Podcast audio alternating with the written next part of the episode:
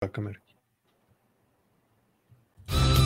Siatkówka jest chyba naj, najbardziej zespołowym zespołowych zespołów. Szósty set. Słuchacie podcastu Szósty Set. Mm, słuchacie podcastu Szósty Set ze specjalnym gościem, Michałem Mieszko-Gogolem. Cześć Mieszko, cześć Michał, cześć Mieszko chyba, tak? Cześć, cześć, Mieszko, tak. Michał Mieszko-Gogol, w poprzednim sezonie trener PG Skrybeł Chatów, obecnie trener, selekcjoner e, reprezentacji Łotwy. Od tego pewnie rozpoczniemy, ale najpierw my też się przywitamy. Piotr Złoch ze studia w Warszawie i razem ze, studia, ze jeszcze. Ze studia w Rzeszowie, Filip Korfanty, cześć. I z drugiego studia w Warszawie, Kuba Lewandowski, cześć. No to pierwsze pytanie, takie lightowe, bo my tak lubimy otwierać lightowymi, lekkimi pytaniami. Jak Ci się podoba Ryga? E, I czy przeprowadziłeś się do Rygi, czy, e, czy, czy jednak łączysz mieszkanie w Polsce z pracą na Łotwie? Do tej pory byłem tylko dwa razy tak naprawdę na Łotwie. Tylko, można powiedzieć, ale też i aż, bo, bo mam taki komfort, że, że, że mogłem tam polecieć i to ta, ta moja druga wizyta no to faktycznie trwała tam no, prawie tydzień. E, no, Ryga jest przepięknym miastem, naprawdę jestem pod ogromnym wrażeniem e, architektury, ulic, kultury tego miasta, to jak to miasto żyje. Akurat za tym właśnie drugim razem mogłem troszeczkę więcej sobie tam już pochodzić, pozwiedzać, pooglądać, miałem więcej czasu. Mm, piękne miasto i, i zresztą dookoła jest też bardzo dużo pięknej okolicy są i plaże, i jeziora. W zasadzie no, E, do tej pory to, co widziałem, jeśli chodzi o, kraj, jest naprawdę bardzo, bardzo ładne i imponujące, a tym wszystkim najciekawsze jest to, że w środku miasta jest piękny ośrodek olimpijski, nie jest gdzieś tam oddalony, prawda, w różnych zakątkach typu jakieś tam, prawda, przedmieścia, lasy i tak dalej, tylko normalnie w środku miasta jest ośrodek olimpijski, gdzie, gdzie trenują, e, nie wiem, wszyscy sportowcy, łotewcy, tacy topowi. I po raz pierwszy w historii e, reprezentacji siatkarzy, reprezentacja siatkarzy będzie trenować w tym, e, w tym ośrodku. Zresztą powiem Wam, że to jest troszeczkę taki, się zrobił, można powiedzieć, mały boom na siatkówkę na Łotwie. Mały, oczywiście, zachowując wszystkie rozsądne proporcje. Wiadomo, jak jest w Polsce, ale na przykład na konkursie, to takiej gali sportowej tam na Łotwie y, bardzo podobnej do naszej gali, gdzie prawda jest ogrom sportowców, drużyna siatkarzy została wybrana drużyną roku. I to jest, y, i pamiętajmy, że oni rywalizują z hokejem, gdzie hokeiści e, jechali na igrzyska, byli teraz na igrzyskach olimpijskich, rywalizują z koszykarzami, tak, i wybrano siatkarzy drużyną roku, a siatkarze wygrali jeden z 12 oficjalnych meczów, bo 6 meczów w Lidze Europejskiej przegrali, a na Euro wygrali tak naprawdę jeden z 6 meczów, czyli wygrywając jeden z 12 meczów zostali wybrani drużyną roku i to trochę pokazuje, co się teraz dzieje na Łotwie. Ja myślę, że tej, do tej pory, jak przynajmniej mogę mówić, to jest bardzo, bardzo ciekawa praca. Bardzo ciekawa. Mm, właśnie myślę, że zawsze tak na to spoglądałem, że w siatkówce akurat jest przestrzeń na to, żeby mm, nie wiem, może tutaj podawać przykład, nie wiem, może Słowenii, tak, mm, też krajów nie bardzo licznych, jeżeli chodzi o ludność, ale jest tutaj nadzieja na to, żeby awansować na duże imprezy, dawać sobie nadzieję i też mm, radość e, rywalom w piłce nożnej, w koszykówce, piłce ręcznej to już potrafi być niekiedy, niekiedy bardzo trudne. To od czego rozpoczyna się karierę z nową reprezentacją? Czy już poznałeś nazwiska wszystkich swoich kluczowych graczy? Masz już rozpisane po pozycji, kogo widzisz w kadrze, albo kto może być następcą obecnych graczy? Tak, y, przyznam szczerze, że no, wszystko mamy rozbite naprawdę no, na bardzo duże detale i pewnie nie starczyłoby nam teraz tutaj programu, żeby o tym rozmawiać, ale przede wszystkim rozmawiałem ze wszystkimi z nich E, stworzyłem taką, można powiedzieć, szeroką bazę zawodników. Pamiętajmy też, że no, jednak ich jest mało, tak? Sama Łotwa liczy 1 800 tysięcy mieszkańców. To oni się śmiali tam na Łotwie, śmiali się, no to nie ma się czego śmiać, ale mówili, że Polska przyjęła w tej chwili więcej uchodźców niż jest mieszkańców Łotwy, czyli tak naprawdę przyjęliśmy całą Łotwę i jeszcze trochę. Natomiast tak, tak. Y, troszeczkę ta, ta, ta, reprezentacja jest taka dwupokoleniowa, bo jest, e, są zawodnicy z takiego starszego pokolenia, natomiast to są bardzo ważni zawodnicy, typu rozgrywający Petrows, który grał w Rosji, zerwał swój kontrakt y, w Nowgorodzie, w tej chwili czeka na, na, na powrót e, na Łotwę. No, atakujący Egles Kans, tak, i, i libero Iwanows, to jest taka, powiedziałbym, trójka starszych zawodników, powyżej 30 lat, ale bardzo ważnych zawodników dla tej reprezentacji. A później jest cały zastęp, e, że tak powiem, młodzieży, E, Są młodzi zawodnicy, jest, jest Darzan, który, Darzan, który jest w Perubie, jest Frajmani, który grał w Taranto. Może grał, to dużo powiedziane, ale, ale był e, rzeczywiście w Serie A.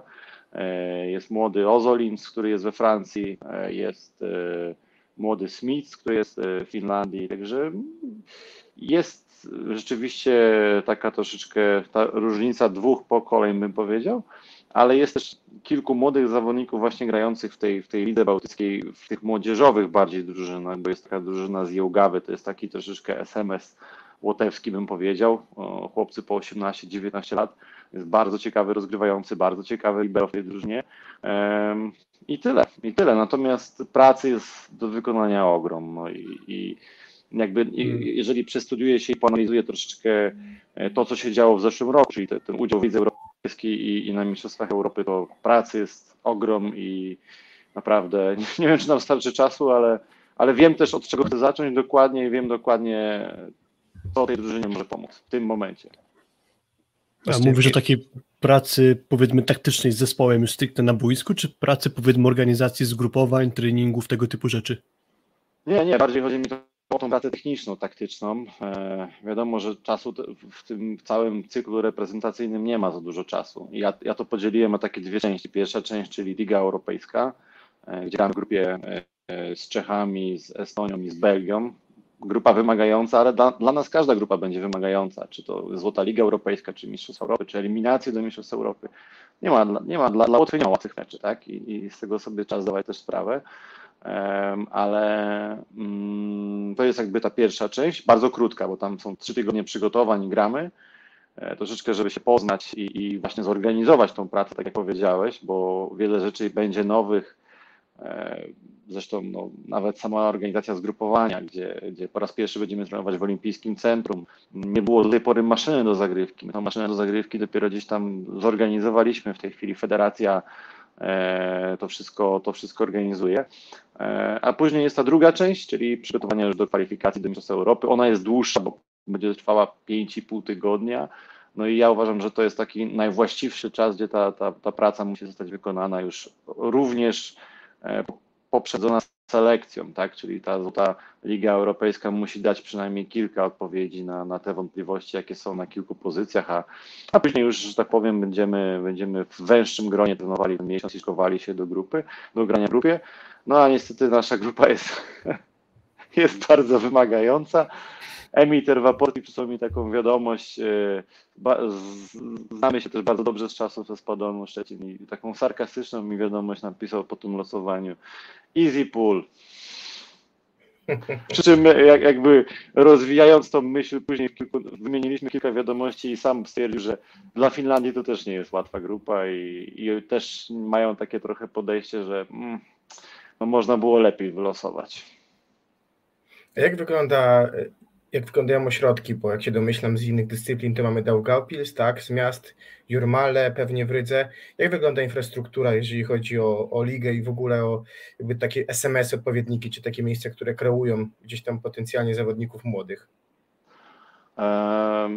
Wiadomo, że tych ośrodków nie jest dużo. Jeśli chodzi o, o taki silny ośrodek, jeżeli spojrzymy teraz na ligę e, i trochę przez pryzmat e, jakby Ligi Bałtyckiej, ale na Łotwę, na tą część łotewską, to chyba najsilniejszym takim ośrodkiem e, jest Jekapils, e, miasto położone tak na południowy wschód od Rygi i, i tam się jedzie, nie wiem, dwie godziny chyba z Rygi. Nie, nie, nie, nie jest to duże miasto, natomiast tam rzeczywiście jest tak pełna hala, bardzo żywiołowa, ludzie tym żyją, interesują się. Nie gra tam wielu reprezentantów, ale ta drużyna e, wychowała wielu reprezentantów. Jak popatrzymy na to, kto jest teraz w tej kadrze, to połowa tej kadry się przewinęła właśnie przez Jeka Pils, a to pokazuje też, że jest tam jakieś szkolenie.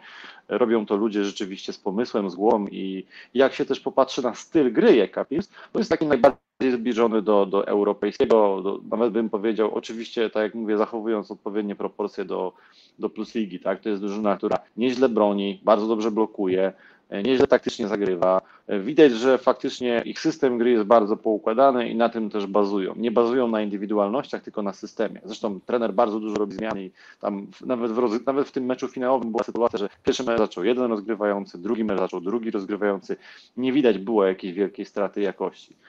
Drugim takim ośrodkiem, tak jak zresztą wspomniałeś, jest właśnie Jurmala. To jest taki zresztą bardzo znany ośrodek wypoczynkowy nad morzem. W czasach jeszcze Sojuza tam przyjeżdżali dygnitarze wypoczywać i tak dalej. Plaże są bardzo ładne, klify i tak dalej. Natomiast sama, sam, sam ośrodek jest również, że tak powiem, bardzo, bardzo silny, aczkolwiek tutaj oni działają trochę inaczej. Starają oni nie mieli dobrych tych... plażowych siatkarzy, przepraszam, bo tego ci podpytam. Chyba kojarzę taką parę bardzo dobrą łotewską, chyba, która tam właśnie się, Teraz... się wychowywała. Właśnie ja też, tak. też, miałem, też miałem takie pytanie, wiesz, na ile w ogóle, no bo tak, bardzo mocni są w siatkówce plażowej, myślę, że ponadproporcjonalnie i tak się zastanawiam, czy już odczułeś to, że jest rywalizacja na przykład o to, czy młodzi siatkarze będą decydować się na grę na hali czy w siatkówce plażowej, bo to też taka specyfika tych krajów mniejszych, tak, że nawet Norwegowie, tak, tak, tak przecież tak. Mol Sorum to też jest y, przykład tego, że w piłce halowej niespecjalnie mocni, z kilkoma jednostkami grającymi w Europie, a na poziomie siatkówki plażowej fantastyczne pary i właśnie zastanawiam się, czy to w ogóle jest rywalizacja.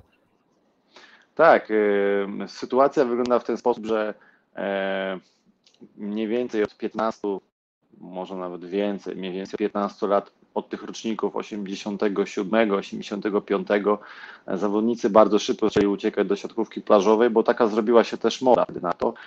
E, począwszy właśnie od tej, od tej ery e, Samoilowsa, Szmedinsa, tak, to są e, Plawins, to są tacy zawodnicy, którzy w tej chwili są troszeczkę no, takimi już markami, można powiedzieć, na Łotwie. Zresztą Plawin w tej chwili wraca po kontuzji, a, a, a jego partner Tocz wziął bardzo młodego e, chłopaka Fokeroca. I, i ten chłopak to jest bardzo duży talent.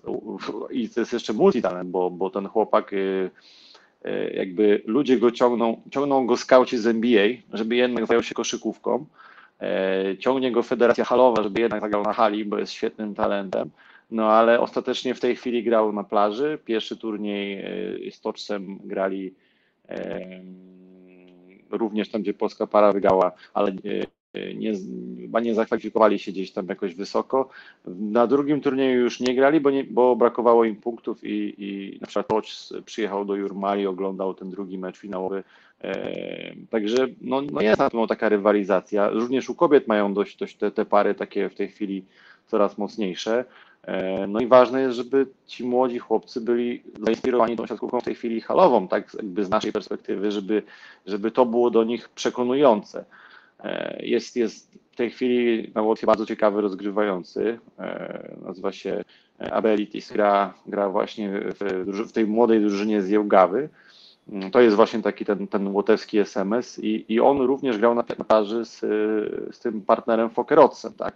W tej chwili oni się rozdzielili, e, Fokeroc poszedł grać na plażę z Toczcem, a, a Ability zostaje w siatkówce plażowej, aczkolwiek te, nawet w rozmowach z federacją to często jest tak, że oni mówią, no tak, ten i ten i ten, jest ryzyko, że mogą pójść grać na plażę, więc jakby pytanie teraz, jak my ich zagospodarujemy na hali i jak to dalej będzie wyglądało. No właśnie, z Olegiem Płotnickim jest historia, że on też swoje jakieś tytuły w plażówce wygrywał jeszcze jako tam nastolatek powiedzmy, po czym mu się przytrafił znakomity turniej Mistrzostw Europy chyba juniorów i, i tak już chyba został e, jako siatkarzy halowy, mimo że pewnie na Ukrainie wtedy była podobna sytuacja, że jeszcze nie do końca taki młody siatkarz może decydować o tym, czy będzie grał na plaży, czy na, na hali, bo raczej nie ma jeszcze jasnych perspektyw. To przypuszczalnie właśnie tak jest z Łotyszami. No, ja, ja myślę, ja też trochę się tego uczę jeszcze tych relacji jakby między tą siatkówką plażową a halową, ale no wiadomo, że teraz jest dla, tych, dla tego pokolenia, które teraz ma 18, 19, 20 lat, to jest teraz czas, żeby wybrać, no ale jakby w tej chwili w ofensywie jest siatkówka halowa, e, natomiast wiadomo, że ma wyniki dużo gorsze niż siatkówka plażowa, tak? I, i to tak będzie pewnie wyglądało, ale no, ważne jest, żeby ci chłopcy mieli teraz jakąś inspirację, jakiś cel, żeby zobaczyli. Część z nich pojechała na Eurowolej, tak? Łotwy nie było na Eurowolej ponad 20 lat i to jest ich drugi w ogóle, to był ich w ogóle drugi Eurowolej od czasów, kiedy rozpadł się Związek Radziecki. Więc y, to pokolenie, dla tego pokolenia, które pojechało teraz na Mistrzostwa Europy w 2021 roku, to była impreza życia, tak? Tam 35-letni libero Ingars Iwanus mówi do mnie, że mm, czuje się spełniony, tak? Potem był już na Eurowolej i, i jakby wygrywając mecz ze Stonią, on się czuje spełniony. Ja mówię, że no fajnie by było, żebyśmy jeszcze jednak popracowali trochę nad tymi marzeniami, bo, bo jednak kilka rzeczy jeszcze można fajnych zrobić. E, ale no tak, tak, no to troszeczkę ta jakby wpływ siatkówki plażowej odbił się na siatkówce halowej właśnie w ten sposób, że przez 20 lat ich nie było na wielkiej imprezie i teraz jest taki moment, że nawet ten prezes, kiedy, kiedy rozmawialiśmy, prezes Books e, w styczniu, to sam użył takiego sformułowania, że czuje, że być może jest to taki moment na siatkarski renesans na hali, ale oczywiście też był taki bardzo raczej nie, nie, nie, tam nie pompował, nie, nie stwarzał jakiejś tam dodatkowej presji, tylko tam uśmiechał się też pod nosem trochę. Mm, to wiesz co, tak może kończąc już tak ten wątek łotewski przejdziemy do tematu naszego odcinka, no bo tam bardzo poważne granie nam się szykuje teraz w następnych tygodniach, zresztą i też playoffy plus ligowe, ale my oczywiście będziemy koncentrować się na, e, na półfinale Ligi Mistrzów, polskim półfinale Ligi Mistrzów, to jeszcze mam takie pytanie mm, do Ciebie, czy, czy w Twoich założeniach pracy, czy w Twoich zadaniach jest też, nie wiem, jakaś rewizja systemu szkolenia?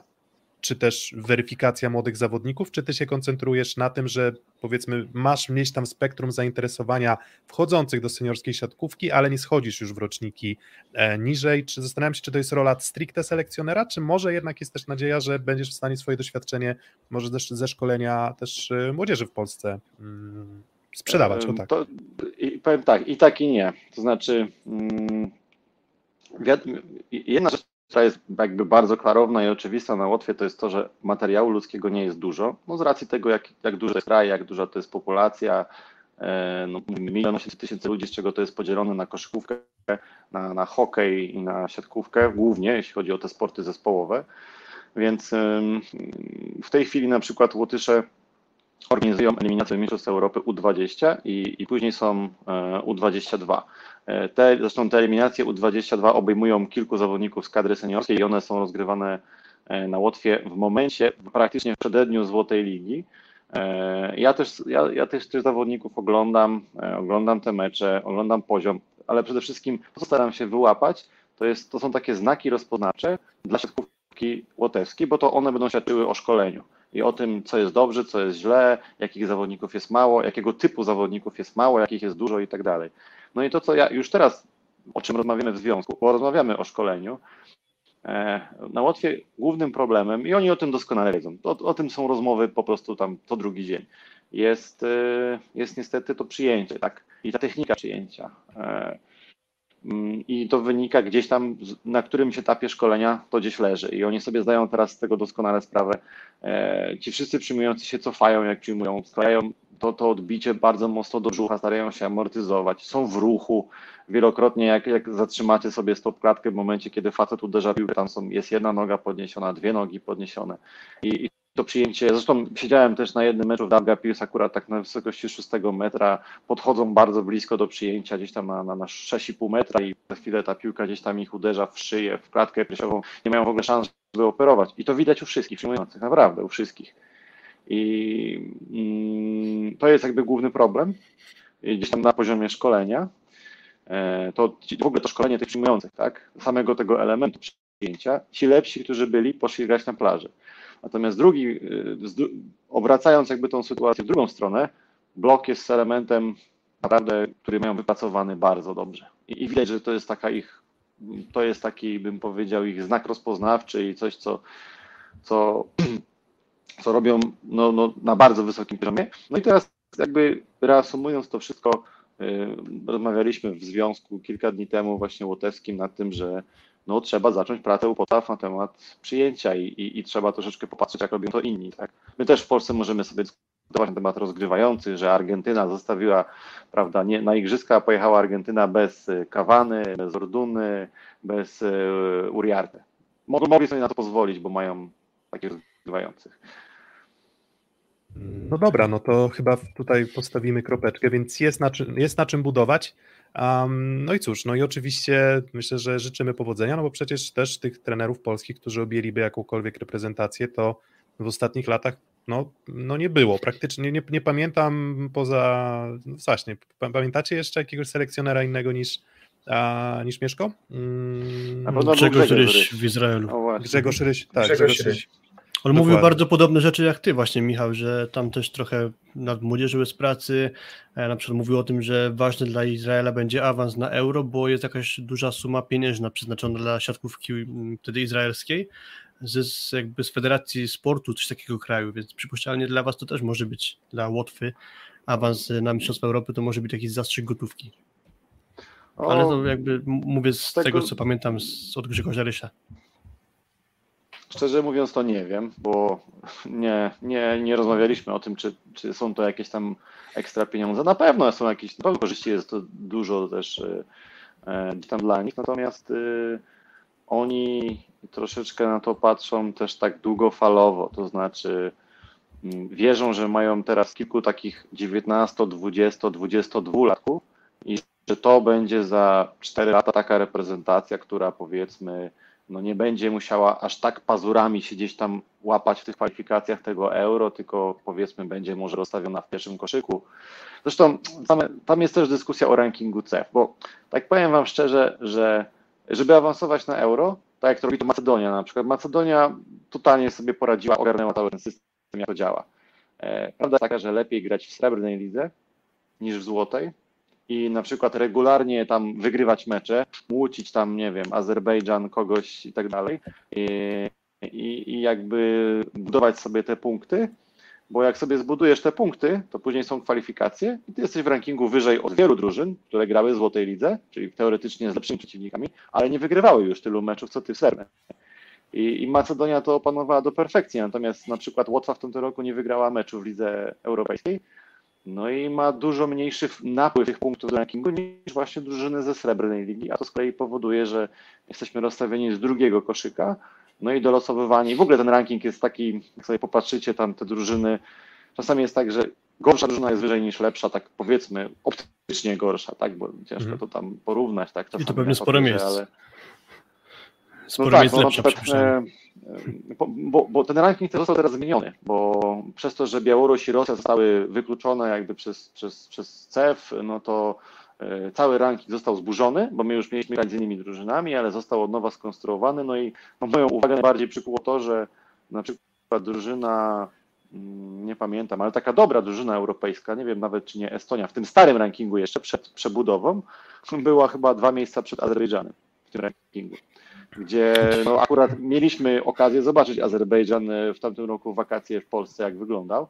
I no, to między nimi jest po prostu, są lata świetne, jeśli chodzi o, o wszystko, o siatkówkę, o zawodników, organizację gry, no wszystko, a w Cewie tam ich dzieliło dosłownie kilka, kilka miejsc, bo i, i, tak, to, i tak, tak potem wygląda ta serpentyna, która cię gdzieś tam Mhm. e, w tych eliminacjach po prostu ładuje do jednej grupy albo do drugiej. Czasem jest tak, że jedno miejsce, a różnica jest kolosalna i, i tak jak mówię, Macedonia najlepiej sobie poradziła, że po prostu robi, robi to w taki sposób, że konsekwentnie gra w tej srebrnej lidze, punktuje, a później udaje im się dostać do euro.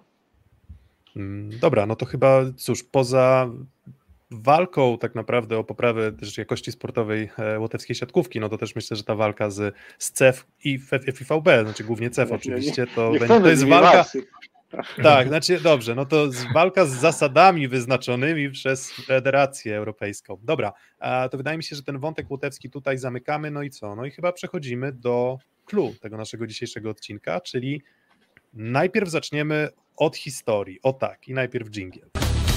Szósty set. Mm, No właśnie, dlaczego też y, zaprosiliśmy akurat y, no, Mieszka do, do tego nagrania?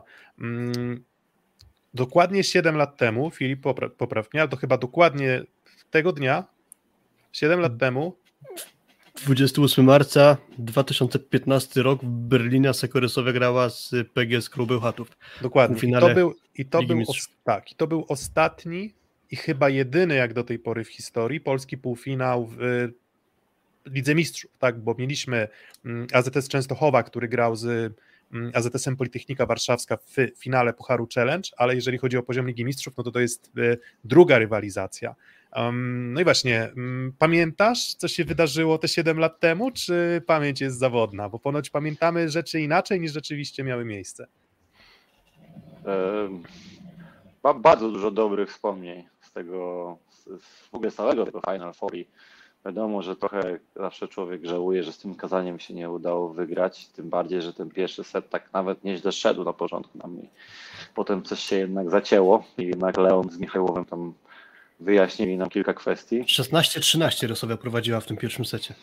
Tak, ale tam trochę, znaczy my się chyba sami przestraszyliśmy, pamiętam, że przestaliśmy przyjmować, bo graliśmy tak dosyć twardo, agresywnie w tym przyjęciu, ale jak nam uciekła pierwsza piłka, to zaraz nam uciekła druga, trzecia. Taki ja mam przynajmniej obrazek z tego meczu, a drugi obrazek, jaki mam, to jest, że trochę też w ataku zagraliśmy tak zachować, ale, ale też pamiętam, że o tym rozmawialiśmy przed meczem, czy z nimi akurat warto czasami przez ten blok forsować, czy spróbować jednak pograć z tym blokiem i my próbowaliśmy pograć.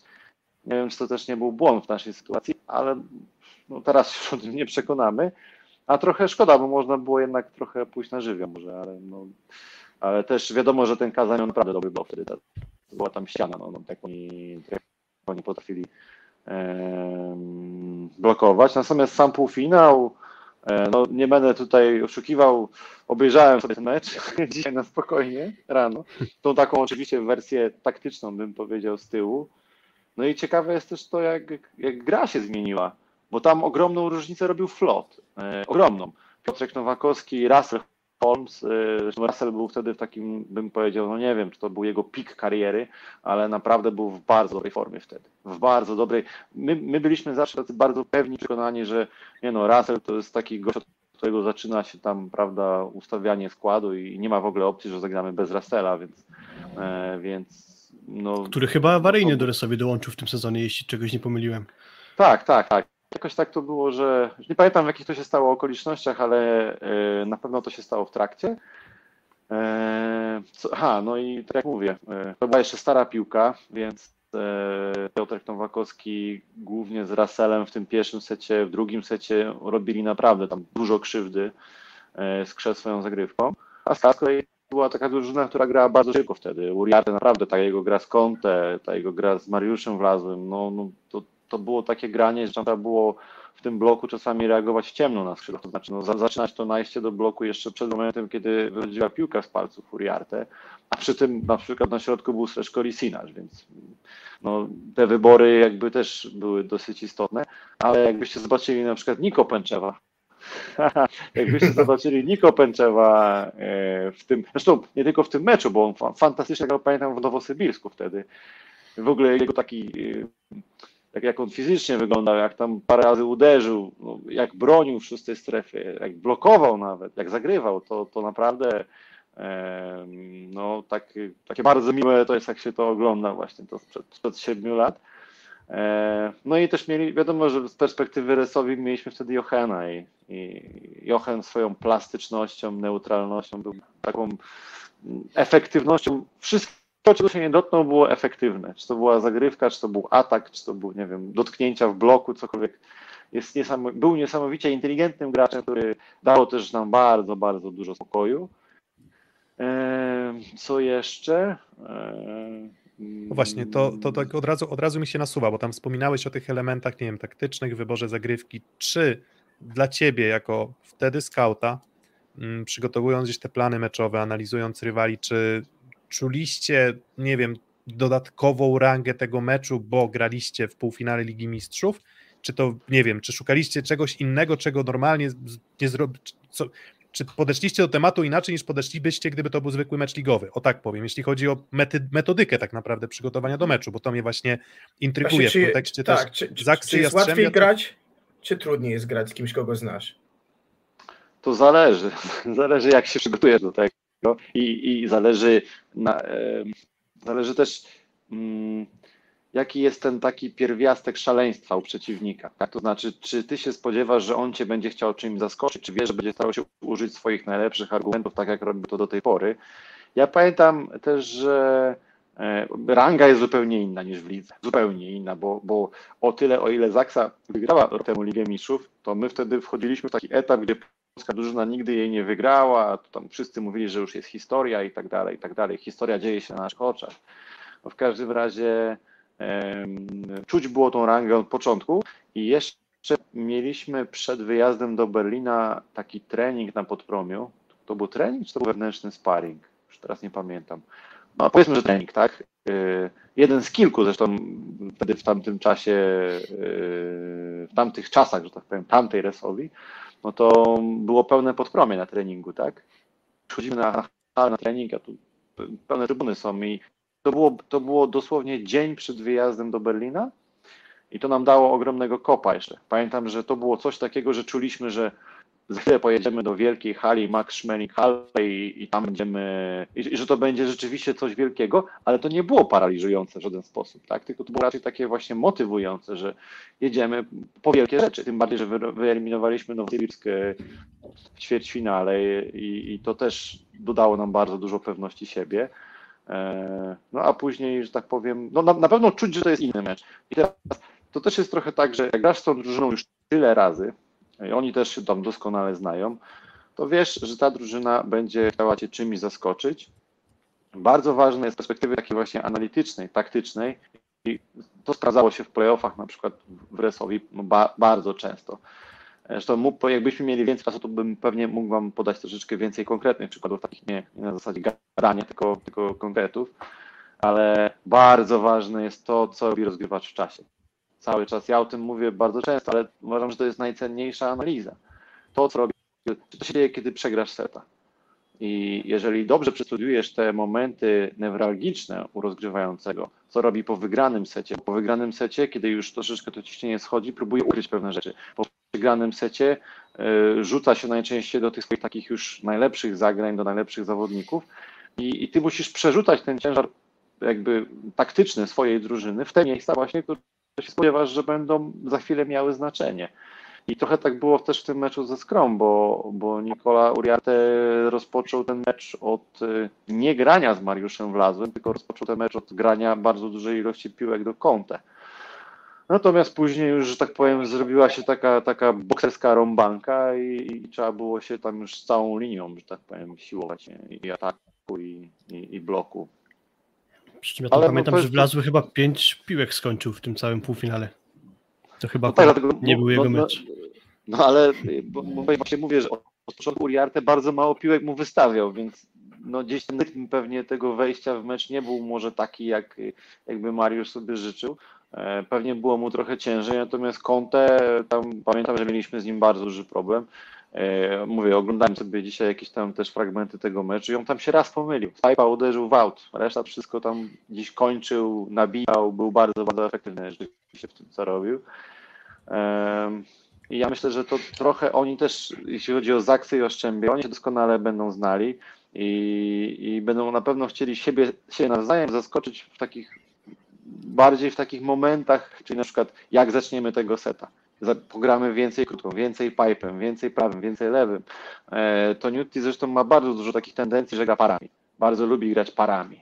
To znaczy, że nie wystawi jednej krótki, tylko zagra dwa razy krótką. I to nie wtedy, jak facet nie skończył, że mu powtórzy, tylko facet mu kończy raz, na przykład środkowy mu kończy raz w tych ustawieniach, gdzie idzie z zapleców P3, P6, idzie na zagrywkę, wchodzi drugi środkowy i on gra drugi raz pierwszym tempem. I prawie nikt nigdy nie skacze do tego drugiego środkowego, no bo jak, to dopiero wszedł z ławki i tak od razu dostaje drugą piłkę. To samo robił we Francji, to samo często też e, robił w Zaksie. Natomiast to też jest tak, że po ty, kiedy tak przyzwyczaicie do czegoś, czyli na przykład zagra tą krótką, tą parami kilka razy, no to za chwilę ty zaczynasz się na tym koncentrować, a on włącza prawe skrzydło pipa i inne rzeczy, a ty już jesteś związany, więc bardziej chodzi o to, która drużyna co będzie chciała zrobić na, w którym momencie meczu, o ile nie przeforsuje tego fizycznie, czyli nie pójdzie na zagrywce, nie strzeli, trzech, czterech gości trafi i, i wtedy będzie trochę inne granie. Pamiętam ten mecz dość dobrze. E, pamiętam nawet, co robiłem wtedy, na jakiej byłem imprezie, oglądałem ten mecz i byłem trochę w szoku tak łatwej wygranej, znaczy łatwej w kontekście 3 do 0 i pamiętam to, co mi się kojarzyło z Resowem tamtych lat, to poza tym, że zawsze przygotowanie fantastyczne na, na końcówkę playoff, to rozegranie taktyczne tego spotkania, bo ja pamiętam e, wtedy, że e, wtedy tak naprawdę Skra miała jeden czuły punkt, to był drugi przyjmujący. Mam takie wrażenie, że, że Winiarski się już miał borykał z problemami zdrowotnymi, a Mareszal no jednak miał jakieś ograniczenia i wy w tym meczu potrafiliście bardzo mocno właśnie zaakcentować i wyłapać te, te, te, te problemy jednak Mareszala czasami z przyjęciem flota. I chyba pamiętam, że Tilly też grał, nie wiem, chyba zamiast Piechockiego, albo dużo też wchodził na przyjęcie i też tym, tym flotem był, był męczony. I paradoksalnie nie graliście cały czas zagrywki w kątę, tylko właśnie bardziej szukaliście jakby wykorzystania tego, mam wrażenie, wtedy najsłabszego punktu skry i, i, to, i, i to chyba dało, znaczy dużo elementów dało, ale pamiętam, że to, to, to mnie zaskoczyło i to zaskoczyło mnie, że tam chyba żaden set nie był na przewagi, prawda, bo to było chyba 25-22 za każdym razem coś takiego, no jednak kontrola była nad tym meczem. To, to, znaczy, takie najbardziej decydujące były dwa aspekty. Pierwszy, tak jak powiedziałeś, i to, co też mówiliśmy wcześniej o tym flocie, bo bo rzeczywiście Piotrek Nowakowski i Russell pocelowali Marszala, ale to też trochę miało związek z tym, że e, Kątem miał rzeczywiście mniej boiska. Razem, razem z nimi na libero grał wtedy e, Tile i, i było tak, że ten Tile zawsze się tam przyklejał do i, i jednak w jakiś tam sposób go krył, albo miał przynajmniej mniejszą część, mniejszą połać boiska do przyjęcia, a Mareszal tam operował na czasami na 4,5 metra, tak, czy na 4 metrach w flocie, bo oni przyjmowali flota 3 za każdym razem. No i w sumie stwierdziliśmy, że przecież Piotrek ma tak dobrego tego flota, że no nawet najlepszy przyjmujący, nawet najlepszemu przyjmującemu ciężko będzie zostawić sobie tyle miejsca, żeby, żeby zareagować, bo te floty jeszcze tą starą piłką one spadały, skręcały. E, Piotrek potrafił zagrać naprawdę tego flota w dół. Z kolei Russell, pamiętam gdzieś w, Kielna, nie, nie Kielnarowej to było, czy w Arłamowie, na którymś z tych zgrupowań przed e, Final Four mierzyliśmy Russellowi flota, to te floty latały tam 67, 68, 70, dochodziło do 70, więc z kolei zdawaliśmy sobie sprawę, że Russell z kolei jest w bardzo wysokiej formie, nie tylko na bloku czy w ataku, ale tak samo na zagrywce. No i trochę wykorzystaliśmy to, że ten Mareszal był odkryty, a on, no, no pamiętam, że to nie, to nie jest tak, że on robił błędy, no ale dużo tych piłek było na trzeci, czwarty, piąty, szósty metr i po prostu grało nam się łatwiej, a ten mecz wygraliśmy kontrą tak naprawdę, bo udawało nam się nie dość, że wypracowywać dużo kontrataków, co nie zawsze było dla nas oczywiste, to te kontrataki kończyć. A mm, jeszcze było tak, że Marko Iwowicz dość długo szukał piłki z Fabianem wtedy w tamtym sezonie, ale oni tą piłkę gdzieś w okolicach, to, że mieliśmy kiepską jesień, to co roku mieliśmy kiepską jesień, to nie jest jakaś tam tajemnica, e, ale pamiętam, że w styczniu Fabian znalazł piłkę z Marko, taką szybką na pułap postawioną i, i to był już chyba marzec, tak jak mówimy, więc o, no, to było tak, że jak tylko mieliśmy jakąś kontrę w górze, Fabian nawet świadomie wiedząc, że wystawi tę piłkę na podwójny blok, E, grał mu ją szybko na pułap, a Marko sobie tam już rzeczywiście z tego swojego piętra czyścił. E, bardzo lubił taki atak do prostej albo wysoko po długiej przekątnej. Nie, nie zawsze na maksa, ale starał się utrzymywać tą precyzję. Czasami to widać w Zaksie na przykład, u Semeniuka czy, czy u Wolka Śliwki też, że czasami oni chcą po prostu trafić tam do rogu boiska, niekoniecznie idąc na maksa. Ja myślę, że te dwa elementy, właśnie ta zagrywka i, i nasz kontratak, to, że dobrze egzekwowaliśmy te kontrataki, zdecydowały o tym, że wygraliśmy. Sami też byliśmy zaskoczeni, ale cieszyliśmy się, że był krótki mecz, no bo na takich imprezach typu Final Four e, ta fizyka potem ma bardzo duże znaczenie i mieliśmy szansę rywalizacji z Zenitem, bo wiedzieliśmy, że jesteśmy wypoczęci. Hmm. Tak, bo tam 3 do 0 było, ale tak, do 23 chyba, do 23 do 22 jakoś tak, więc to mimo, że 3 do 0, to tam taki jednostronny ten mecz chyba nie był. A tak samo właśnie pamiętam ten finał z Zenitem, że długo się tam utrzymywało w miarę porówno w punktach. To nie było tak, że Zenit szybko odjeżdżał, nie wiem, do 15, do 15, do 15, tylko tam naprawdę niewiele chyba brakowało, przynajmniej tak z mojej perspektywy. E, ty wspominasz w ten sposób, że nie wiem, może jedna, dwie piłki i dałoby się ich ograć, czy raczej było tak, że no jednak byli nie do ogrania? Ja myślę, że no, na pewno byli faworytem, natomiast e, dla nas e, w tamtym sezonie no to było to, że tam doszliśmy, to było takie dość duże wydarzenie. Wydaje mi się, że nie utrzymaliśmy w sobie takiej agresji w tym meczu. Bo tam kilka jakieś tam inne rzeczy możemy oczywiście dyskutować i tak dalej. Uważam, że mniej więcej wiedzieliśmy, co mamy robić, natomiast jak, jak oni zaczęli trafiać, bo to było też tak, że nie wiedzieliśmy, jak regularnie Zenit może zagrywać, to znaczy Anderson, e, to znaczy e, mm, Leon, no i Michajłow, tak, to były takie trzy ciosy, gdzie trzeba było w tych trzech ustawieniach naprawdę się szykować, no, że do, bardziej do obrony niż do przyjmowania i pewnie do jakiejś tam gry na wysokiej piłce albo do jakichś innych rozwiązań. Przy czym tam jeszcze była taka ciekawa sytuacja z rozgrywającymi. To był chyba też jeden z tych game changerów tego finału, bo e, o ile pamiętam, zaczynał Marów i, było, i, i prowadziliśmy właśnie w tym pierwszym secie, było dużo niedokładności, a później wszedł Kobzar i Kobzar, okej, okay, grał co miał grać. Mieliśmy tych obu tych rozgrywających gdzieś tam e, powiedzmy dokładnie rozbitych na, na, na czynniki pierwsze i powiem, powiem więcej, że Kobzar to był dużo bardziej szablonowy rozgrywający niż Marów. Już pomijam ułożenie ciała, ale po prostu sobie tam grał 7 tył, taka klasyka, że tak powiem, e, siatkarska. Natomiast ten Kobzar wszedł, zaczął biegać po tym boisku, e, takie te bączki kręcić po udanych akcjach i on jakby dodał dużo wiary temu Zenitowi. E, I to było tak, że oni patrzyli na tego Kobzara biegającego. Wiadomo, że to też są głównie Rosjanie, taka nacja, która jednak jest troszeczkę taka no, mało ekspresywna i jeżeli widzą, że taki gość biega, daje im energię, no to oni tę energię po prostu wzięli i zaczęli grać na dużo większym luzie. A my z kolei usztywniliśmy się po kilku asach. My, my wiedzieliśmy, że oni będą mocno zagrywać, natomiast było tak, że się broniliśmy, broniliśmy, broniliśmy, broniliśmy i przyszedł nagle taki moment, że była jedna zagrywka, druga zagrywka i później mieliśmy już w głowach tak, tak nie wiem, z mojej perspektywy, że um, no okej, okay, teraz już, prawda, teraz już jak będą trafiać, to już jest pozamiatane. No i trafiali, trochę szkoda, że tak szybko straciliśmy tą agresję, bo, bo zaczęliśmy właśnie taką fajną agresją. Mm, Być może trochę doświadczenia zabrakło, gdzie Zenit któryś raz z kolei już wygrywał Ligę Mistrzów, zdaje się, jak coś nie pomyliłem, a, a Resowia to była taka trochę, trochę kopciuszek na tym poziomie jeszcze. A właśnie się pomyliłeś, bo to był pierwszy. Nie, tak, Leon przyszedł do Zenitu w tym sezonie jako pierwszy, y, sezon Leona i cztery razy z rzędu wygrali chyba. No ale rok wcześniej już byli na Final Four, tak, a, mm, okay. w Ankarze. Natomiast, mm, natomiast ja się tak zastanawiam, bo tak, 7 lat temu i tak teraz już pewnie przejdziemy, już te wspominki zakończymy, 7 mm, lat temu, dużo, niedużo, trudno powiedzieć, czy wtedy miałeś już takie poczucie, że po tych latach, gdzie no jednak klubowa polska siatkówka odstawała od tych tytanów Ligi Włoskiej, Ligi Rosyjskiej, to czy ty, Mieszko, miałeś poczucie, że mamy ich wtedy?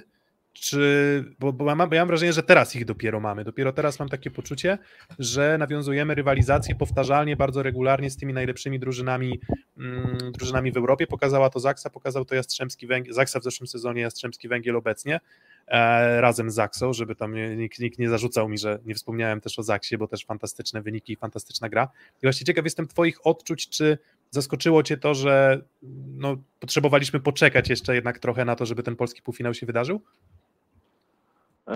Bardziej powiem, bardziej powiem, że tak, ta, e, ta Liga Mistrzów czasami też się rządzi takimi swoimi prawami na zasadzie szukania swojej szansy, trochę tam ten czynnik losowania też no, ma znaczenie jednak, tak? bo, bo w jednym roku może być taka, w drugim inaczej, ale raczej mieliśmy poczucie, ta, e, tamta jakby drużyna e, Resowi, czy powiedziałbym, tak trochę bym to wpakował do jednego worka te kilka lat, nawet nie, nie ten jeden konkretny sezon, ale gdzieś tam od tego sezonu pierwszego mistrzowskiego e, w 2012 roku, trochę to jest tak, że my wtedy wszyscy żyliśmy jakimiś nowymi marzeniami, tak? Najpierw było Mistrzostwo Polski, później właśnie był udział w Lidze Mistrzów, potem jakiś medal w tej Lidze Mistrzów. Zresztą w pierwszym roku graliśmy też w finale Pucharu C w Moskwie. E, I, i tak ciągle byliśmy, ciągle żyliśmy takim marzeniem, że my to wszystko możemy zrobić i możemy osiągnąć, ale prawda była taka, że tym e, drużynom włoskim i rosyjskim przychodziło dużo łatwiej granie z nami, bo też przeżyliśmy kilka porażek typu mecze z Lubę, e, chyba z Cuneo jeszcze graliśmy w którejś tam edycji Ligi Mistrzów i to były takie mecze do jednej bramki. I te mecze nas trochę nas tak, kiedy my tylko wychylaliśmy nos, to te mecze nas tak z powrotem sprowadzały do prawda, do szeregu, że nie, nie, nie, panowie, ale to jeszcze chwilę trzeba poczekać i i też patrzyliśmy trochę na to, że no, ci tacy siatkarze powiedzmy topowi, właśnie jak Juan Torena, wtedy jak Zajcew, Sokołow, że no oni w pojedynkę potrafią bardzo dużo i są bardzo atletyczni i w tych drużynach włoskich czy rosyjskich jest takich trzech gości. Bo jak, jak się grało z Kazaniem, to był Anderson, e, to był Michałow i był Leon, tak? I w tych włoskich drużynach było to samo, a my na przykład, no nie wiem, w pierwszym roku bazowaliśmy na przykład na Grozerze, E, później już tak różnie, trochę Iwowicz, to zawsze był taki Bartek Kurek, taki był jeden lider, a reszta starała się pomagać, a oni mieli trzech takich liderów i taka była różnica. Ja myślę, że te proporcje teraz się trochę odwróciły już i, i trochę też my mamy więcej liderów na boisku, że tak powiem. Mhm. A mogę jeszcze podpytać, bo e, przegraliście wtedy, pamiętam, Krzysiek Ignaczek i Fabian mówili, że gdyby nie Leon, to by pewnie się udało wygrać, ale dzisiaj w Perudzi znowu jest ten duet Anderson-Leon. E, jak, z czego wynika to ich tak dobre dobranie do siebie, że najpierw cztery tytuły Ligi Mistrzów w Zenicie, teraz też wygrali ligę, e, zasadniczą fazę we Włoszech w Cuglach. To wydaje się jako duet bardzo dobrze dobrany, do siebie przyjmujących po prostu. Z czego to wynika?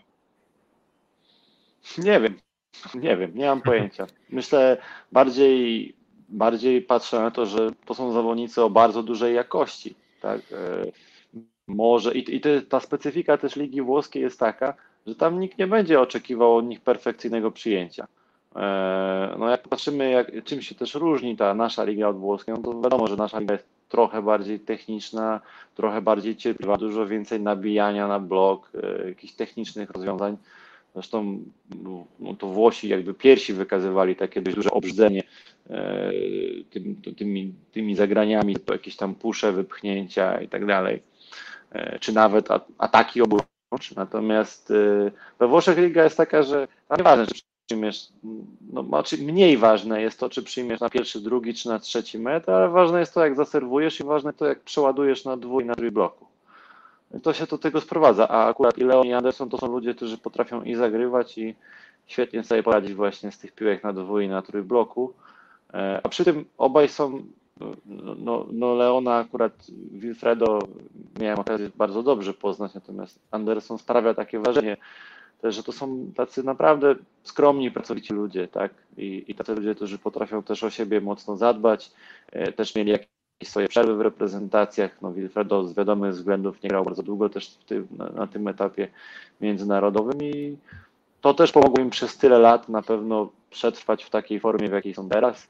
I, I to jest też tak, że często jest tak, że zawodnik e, o wysokiej jakości, wysokiej takiej kulturze gry, e, przy tym bardzo skromny i pracowity, czuje się bardzo dobrze w otoczeniu drugiego takiego gościa. I ja myślę, że to też na pewno pod względem takim charakterologicznym ma znaczenie, że oni też się dobrze dogadują.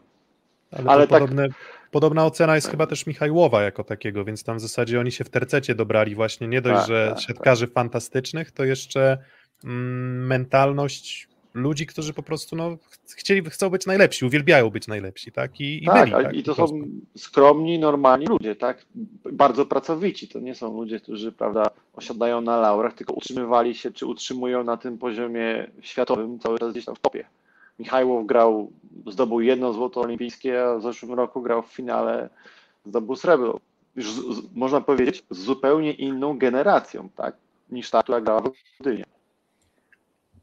Dobra, no to co? No to tutaj kropkę chyba postawimy, jeżeli chodzi o te wspominki, czyli tak, 2015 rok, mm, awans y, Rysowi z Mieszkiem w sztabie mm, do finału, wtedy Zenit Kazań powstrzymał mm, marzenia Sekoresowi Rzeszów i też w sumie polskie siatkówki o to, żeby żeby wygrać Ligę Mistrzów pierwszy raz od tam, tam pamiętnego, może pamiętnego trudno powiedzieć, ale od no lat jeszcze 70. z Zenitem była w Łodzi, także jedna tak, piłka tak, chyba. Tak, oczywiście, ale mówię po prostu o tym, że to był ostatni, ostatni półfinał. Ostatni półfinał, ostatnia nadzieja taka bezpośrednia na to, żeby, żeby tę Ligę Mistrzów wygrać. W zeszłym sezonie już się udało. Grupa Azoty Zaksa Kędzierzyn-Koźle wygrała. Um, no i co? No i dżingiel i, no i, i Mogę zaczynamy. jeszcze tylko taki, Jasne, dawaj. takie bardzo miłe wspomnienie, bo akurat też jesteśmy E, wiadomo, że każdy w Polsce gdzieś tam między klubami rywalizuje, są te antagonizmy, ci się lubią z tymi, ci się nie lubią z tamtymi, e, ale ja pamiętam też taki bardzo fajny obrazek, że e, że tam kibice nawet w tym ostatnim dniu, kiedy Skra grała o brąza, a my graliśmy o złoto, to nawet polscy kibice potrafili siedzieć tam w Berlinie. Ja tam byłem wtedy na trybunach, więc pamiętam, że jako sektor kibiców Resowi dopingowaliśmy skrep w meczu o brąz. No i to jest coś, co powinno zostać gdzieś po prostu zapisane, pokazywane i e, znaczy ja, ja rozumiem, że musi być ten smaczek rywalizacji i tak dalej, ale to jest coś, co powinno się przypominać po prostu tym wszystkim ludziom, którzy jakby za wszelką cenę tam, prawda, wbić kij w szprychy yy, gdzieś tam w drugiej drużynie w Polsce, swojej, naszej, polskiej, tak? Bo to był właśnie to jest to, co zapamiętałem na przykład i ja nie muszę tego gdzieś sobie odtwarzać czy coś takiego i, i powinno się to pokazywać, teraz wyjąć to nagranie z tych trybun z Berlina i pokazywać ludziom, że zobaczcie, kibicowaliście Skrze, a wy kibicowaliście Resowi. Tak, a to nie były, To- a to nie były drużyny, które się kochały. Powiedzmy, to nazwijmy, nazwijmy, nazwijmy rzeczy po imieniu. Yy, ty, tym bardziej właśnie to był taki bardzo, bardzo fajny obrazek. Oczywiście jak się skończyło Final Four, to się skończyła przyjaźń tam każdy wrócił do swojej, że tak powiem, do swojego rogu w ringu i, i tyle. Ale no, to było bardzo miłe. Dobra, no to co? No to lecimy i przechodzimy do clue, meritum tego odcinka dzisiejszego, czyli no to, co się wydarzy. To, to, to, co się wydarzyło, już mamy omówione, no to zobaczmy, co się wydarzy. Albo przynajmniej spróbujemy się nad tym zastanowić i też podeprzeć się może liczbami i tutaj doświadczeniem mieszka w ocenie i zawodników, i drużyn jako całości. Szósty set. No właśnie, ale zanim, zanim przejdziemy do tej takiej powiedzmy po jakiejś tam pogłębionej analizy, no to jeszcze mm, zacznijmy od tego, jak wyglądały wyniki spotkań w jak wyglądały wyniki spotkań dotychczas rozegranych w tym sezonie. Jak na razie były to trzy mecze um, i zaraz pokazuję grafikę, żebyśmy to udostępnili. Proszę bardzo, grafika przygotowana przez Kubę, e, Kubę Lewandowskiego, jeszcze ją odrobinę powiększę i teraz już powinno być wszystko elegancko. Czyli tak, trzy mecze. Wydawałoby się, że jak na drużyny o bardzo zbliżonym poziomie sportowym i bardzo wysokim poziomie sportowym, mm, bardzo niewiele tych setów zostało rozegranych i w tym meczu o Superpuchar Polski, który jest tym takim zawsze wstępem do ligi, Jastrzębski Węgiel wyglądał wtedy lepiej od Zaksy. No zresztą widać to, widać to po wyniku, ale kilka miesięcy pracy Georga Kretu pokazały i w szczególności Puchar Polski, w którym no Jastrzębski Węgiel myślę, że można powiedzieć, że został jednak odrobinę zdemolowany przez Zaksę, bo rozmiar porażki no raczej nie, wydaje mi się, że nie do końca te mecze i nie do końca te wszystkie wyniki setów mm, oddają to, jak zaciętego meczu ja się spodziewam teraz, czy w zasadzie całego tercetu tych, e, tych spotkań. Mm, oglądałeś któreś z tych spotkań, e, Mieszko? Tak, tak. Oglądałem na pewno finał Pucharu Polski i ten mecz ligowy. Super Puchar, tak gdzieś tam, nie wiem, kątem oka coś, yy, może set jakiś, ale, ale chyba nie oglądałem wtedy całego meczu. To był ten początek. E, no, ten, ten, ten ostatni mecz, o którym mówimy, czyli ten finał Pucharu, no to rzeczywiście Zaksa wyglądała na bardzo pewną siebie, ale też e, no, narzuciła taki swój, to, to była taka Zaksa, można powiedzieć, z krwi i kości, jaką, jaką poznaliśmy w ostatnich sezonach, bardzo konsekwentna, do bólu, grająca cierpliwie, wywierająca presję, grająca twardo na bloku, e, ale przede wszystkim no to, co ich cechowało, to jest ta bardzo, bardzo efektywna gra w ataku, no i to, że potrafią cierpliwie sobie wyprowadzić tą piłkę dwa, trzy razy i później gdzieś tam na przykład Semen uderzy przez trzeciego wysoko, gdzieś tam y, nad blokiem do piątej strefy. Oni też potrafią w trakcie meczu. To, co oni robią w trakcie meczu, ja, no, z racji też tego, że graliśmy w zeszłym sezonie z nimi bardzo wiele razy, to ten, to jak oni, to jak oni w trakcie meczu, e, oni, oni bardzo dobrze analizują rzeczy w trakcie meczu. To znaczy na żywo, co się dzieje, co się wydarzyło i, i jak sobie z tym poradzić. Na przykład e, mm, sztab Zaksy w trakcie meczu bardzo dobrze analizuje ustawienie obrony. To, to, to jak ustawia się przeciwnik. Ja pamiętam, że my czasami wręcz zmienialiśmy tą obronę po secie, tak? bo, bo po prostu stwierdziliśmy, że no tak, widzą, że na przykład nasza szósta strefa idzie w prawo czy w lewo i, i za chwilę to się kończy jakimś takim plasem gdzieś tam w to wolne pole.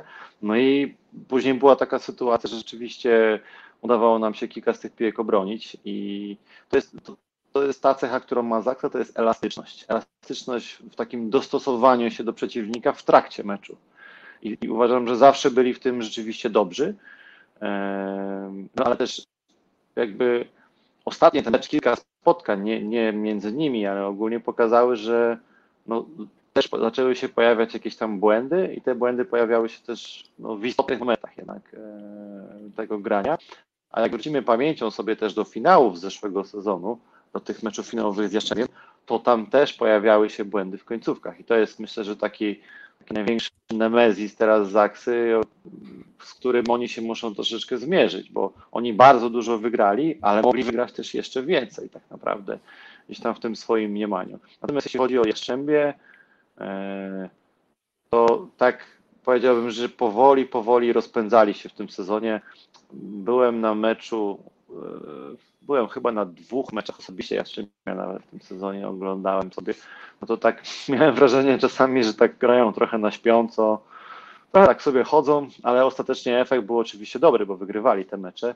E, myślę, że też ten początek trochę taki, że przyszedł nowy rozgrywający i nie za, mimo, że to jest bardzo klasowy rozgrywający i mistrz olimpijski, praktycznie wygrał w swoim życiu już, wszystko, no ale no jednak widać było, że trochę potrzebują czasu na to zgranie. Chociażby pamiętam Tomka Fornala z początku sezonu, gdzie tam było no, dużo takiej miękkiej gry. Nawet nawet Rodak miękkiego no, tak samo było dużo takiego jakichś tam dziwnych rozwiązań, ale mało takiego klasycznego, soczystego atakowania. Zresztą sytuacja również z Błaje spowodowała to, że Janek Hadrawa gra, gra i jakby wpasował się idealnie w ten system, ale też potrzebował chwilę czasu. Dlatego no, sytuacja z Jurim, też Gładyrem, tak, ta, ta, ta właśnie, którą, w której tkwimy cały czas, można powiedzieć, hmm. to wszystko e, zbudowało drużynę Jaszczębia. Zbudowało i ja mam wrażenie, że oni się rozpędzają. Takie jest moje odczucie. Jak to się skończy, zobaczymy co mówiłeś o tej elastyczności Zaksy i to mnie zaciekawiło w takim razie moje pytanie, mm, czy to można narzucić taktyką, taką elastyczność, czy tu jeszcze jest wymagane odpowiednie, nie wiem, indywidualne wyszkolenie zawodnika, czyli że nie do każdego kompletu zawodników taki styl gry da się wpasować? Y, ciężko mi powiedzieć, czy do, no na pewno do, musisz mieć zawodników dobrze rozwiniętych e, technicznie oraz no, posiadających jakiś tam pułap fizyczny, tak, no bo nie jesteś, jeżeli nie masz tego pułapu, to ciężko będzie ci na wysokiej piłce operować w zasadzie na granicy bloku, tak, a Jolek i no Kamil to w ogóle może tam gdzieś sobie uderzyć nawet górą, nie zawsze bardzo mocno, ale, ale jest w stanie to zrobić. E, natomiast Olek ma na tyle plastyczną rękę i też jednak skacze i ma ten pułap jakiś, że jest w stanie to, to, to dobrze egzekwować, ale na pewno musisz to trenować. Nie, nie da się tego zrobić bez treningu. Na pewno musisz to trenować. I mówię, jakbyście tak sobie przeanalizowali. My, my to pierwszy raz się z tym zderzyliśmy na Super Pucharze w Arłamowie. E, tym, tak, to było rok temu jesienią, gdzie gdziekolwiek nie postawiliśmy obrony, e, to w następnym, tylko że to trwało jakiś, jakiś tam, nie wiem, pół seta na przykład to trwało, tak, w czasie, to za chwilę tam lądowała piłka, gdzie nie było naszego obrońcy. Ja mówię o highballach, mówię o piłkach na dwu, na. Oni bardzo dokładnie sobie analizowali, tam sztab dokładnie analizuje ustawienie w obronie i za chwilę Olek, Kamil dostają informację, pach, piła idzie w tamto miejsce. I oni, oni są, i to, to się łatwo mówi, tak? To, to jest naprawdę trudne do wyekwipowania, bo tak jak mówię, trzeba to trenować technicznie, trzeba mieć ludzi, którzy to zrobią fizycznie, no i trzeba też to robić w trakcie, na żywo, pod jakąś tam presją, tak? I, I, uważam, że oni to wypracowali po prostu, to jest i, i zbierają owoce tej swojej pracy, y, tego, tego, tego całego systemu. A oprócz tego, no tak jak mówimy, no, nabijają piłkę wzorowo. Y, tutaj w jednym ze spotkań MVP był, był Norbert i pamiętam jak się widzieliśmy na Torwarze e, po e, rewanżu o meczu trzecie miejsce, który wygraliście wtedy z Warszawą Mówiłeś o tym, jaką wykonujecie pracę, aby maksymalnie zbliżyć zagrywkę Norberta Hubara do, do tej zagrywki Muserskiego. E, no, no i, i, prawda jest taka, że to bardzo mocno w tym sezonie widać, bo wydaje się, że no, ten progres, jaki on wykonał, też w elemencie zagrywki jest bardzo duży. On ma potencjał jego zagrywki jest niesamowity, naprawdę. Ja nie, nie wiem, gdzie on się zatrzyma, gdzie jest jego sufit, ale pamiętam też to jest tak, że ok, ze zmianą piłki zaczęliśmy jakby sprawdzać możliwości. Norbert przychodząc do skry zagrywał flota i tak na dobrą sprawę, no widząc też jego fizykę, jego, jego, jego wzrost, długość ramion, bo ma strasznie długie ręce, e, no jakby szukaliśmy też takiej możliwości, jak tak naprawdę go wykorzystać.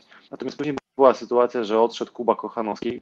Mieliśmy to dość dobrze policzone na zasadzie E, no ile możemy zaryzykować zagrywką z wyskoku, a gdzie możemy gdzieś tam implementować tego flota na zasadzie e, wyboru, także raz z góry, raz flot, albo jakiś tam fake i tak dalej. Więc te proporcje zazwyczaj były tam 4 do 2, w takich najbardziej ofensywnych momentach 5 do 1.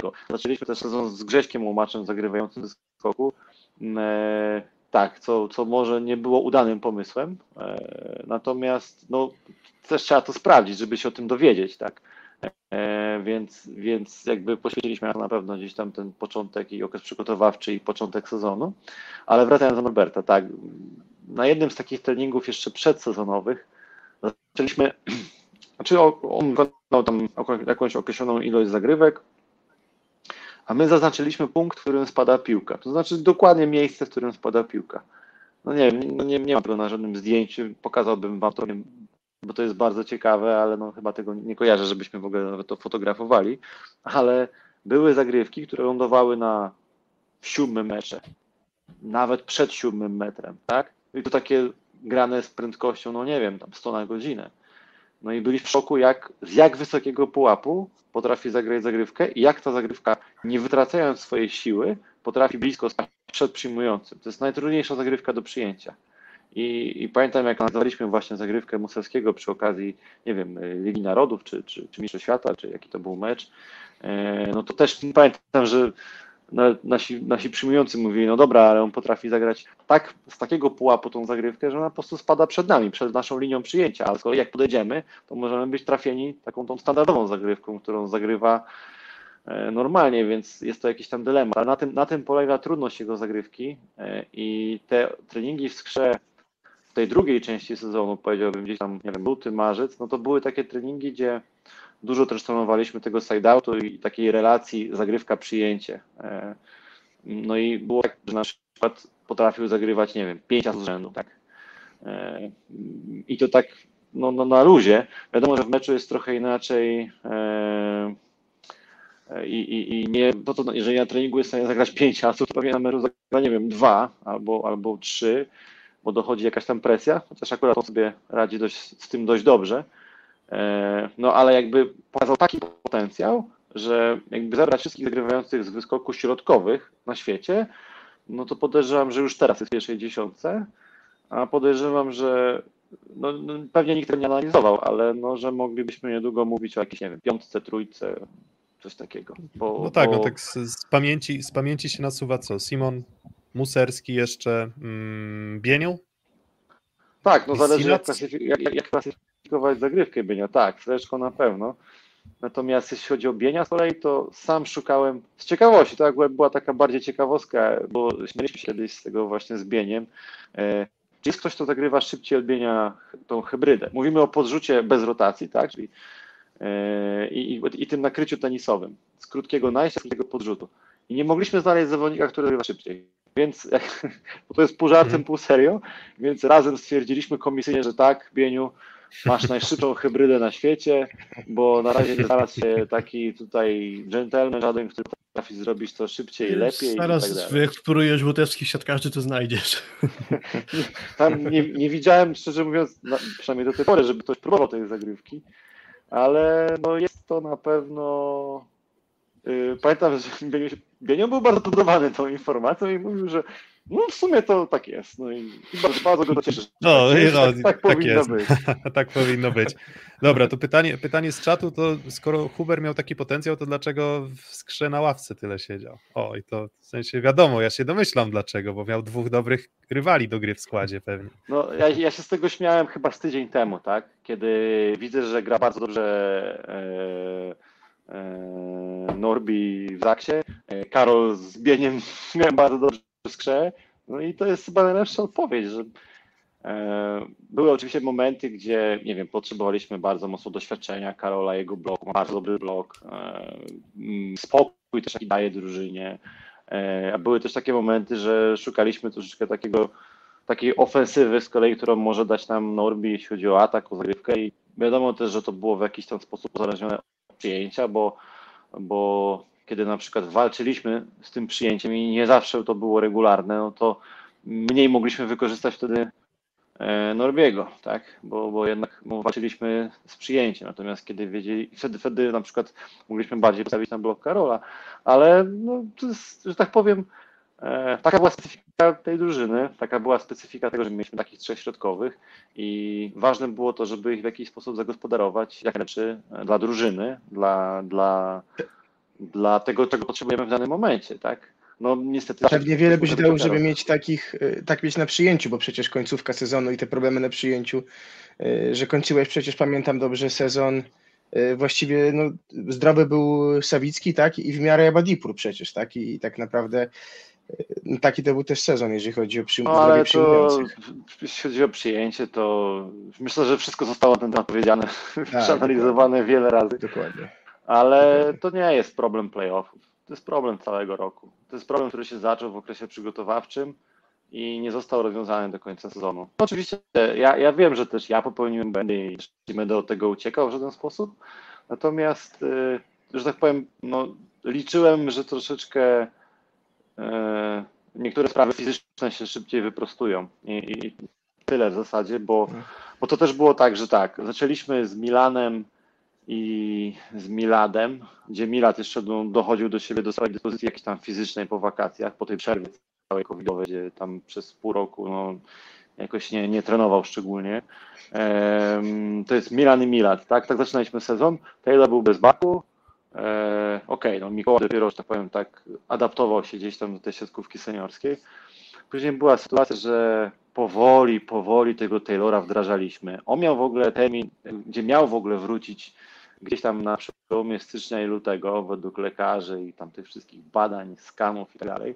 No ale sam czuł się bardzo dobrze, zrobiliśmy jeden, drugi, trzeci test i, i no, zdecydowaliśmy się spróbować go troszeczkę angażować w grę szybciej. No i teraz sytuacja jest taka. Właściwie mało ludzi chyba to wyłapało, nie wiem, tak mi się wydaje, bo jakoś ten wątek jest trochę może zapomniany, może pominięty, może po prostu nikogo nie interesuje, ale e, w grudniu sytuacja jest taka, że gramy pierwszy turniej Ligi Mistrzów w Kędzierzynie, dajemy Taylorowi takie trzy sety e, takiej pierwszej adaptacji z Alst, no, on sobie tam zagrał fajnie, poczuł trochę boisko, natomiast wiedzieliśmy, że na pewno go nie wpuścimy na boisko z Aksą ani z Fenerbacze, cokolwiek by się nie działo, no bo to już są emocje, stawka i nie chcieliśmy, żeby musiał cokolwiek zrobić, żeby cokolwiek poświęcać. Eee, no ale dosłownie trzy dni po tym turnieju, eee, gdzie mieliśmy mecz ligowy z Olsztynem u siebie, zapalenia Achillesa doznaje Milan Katic.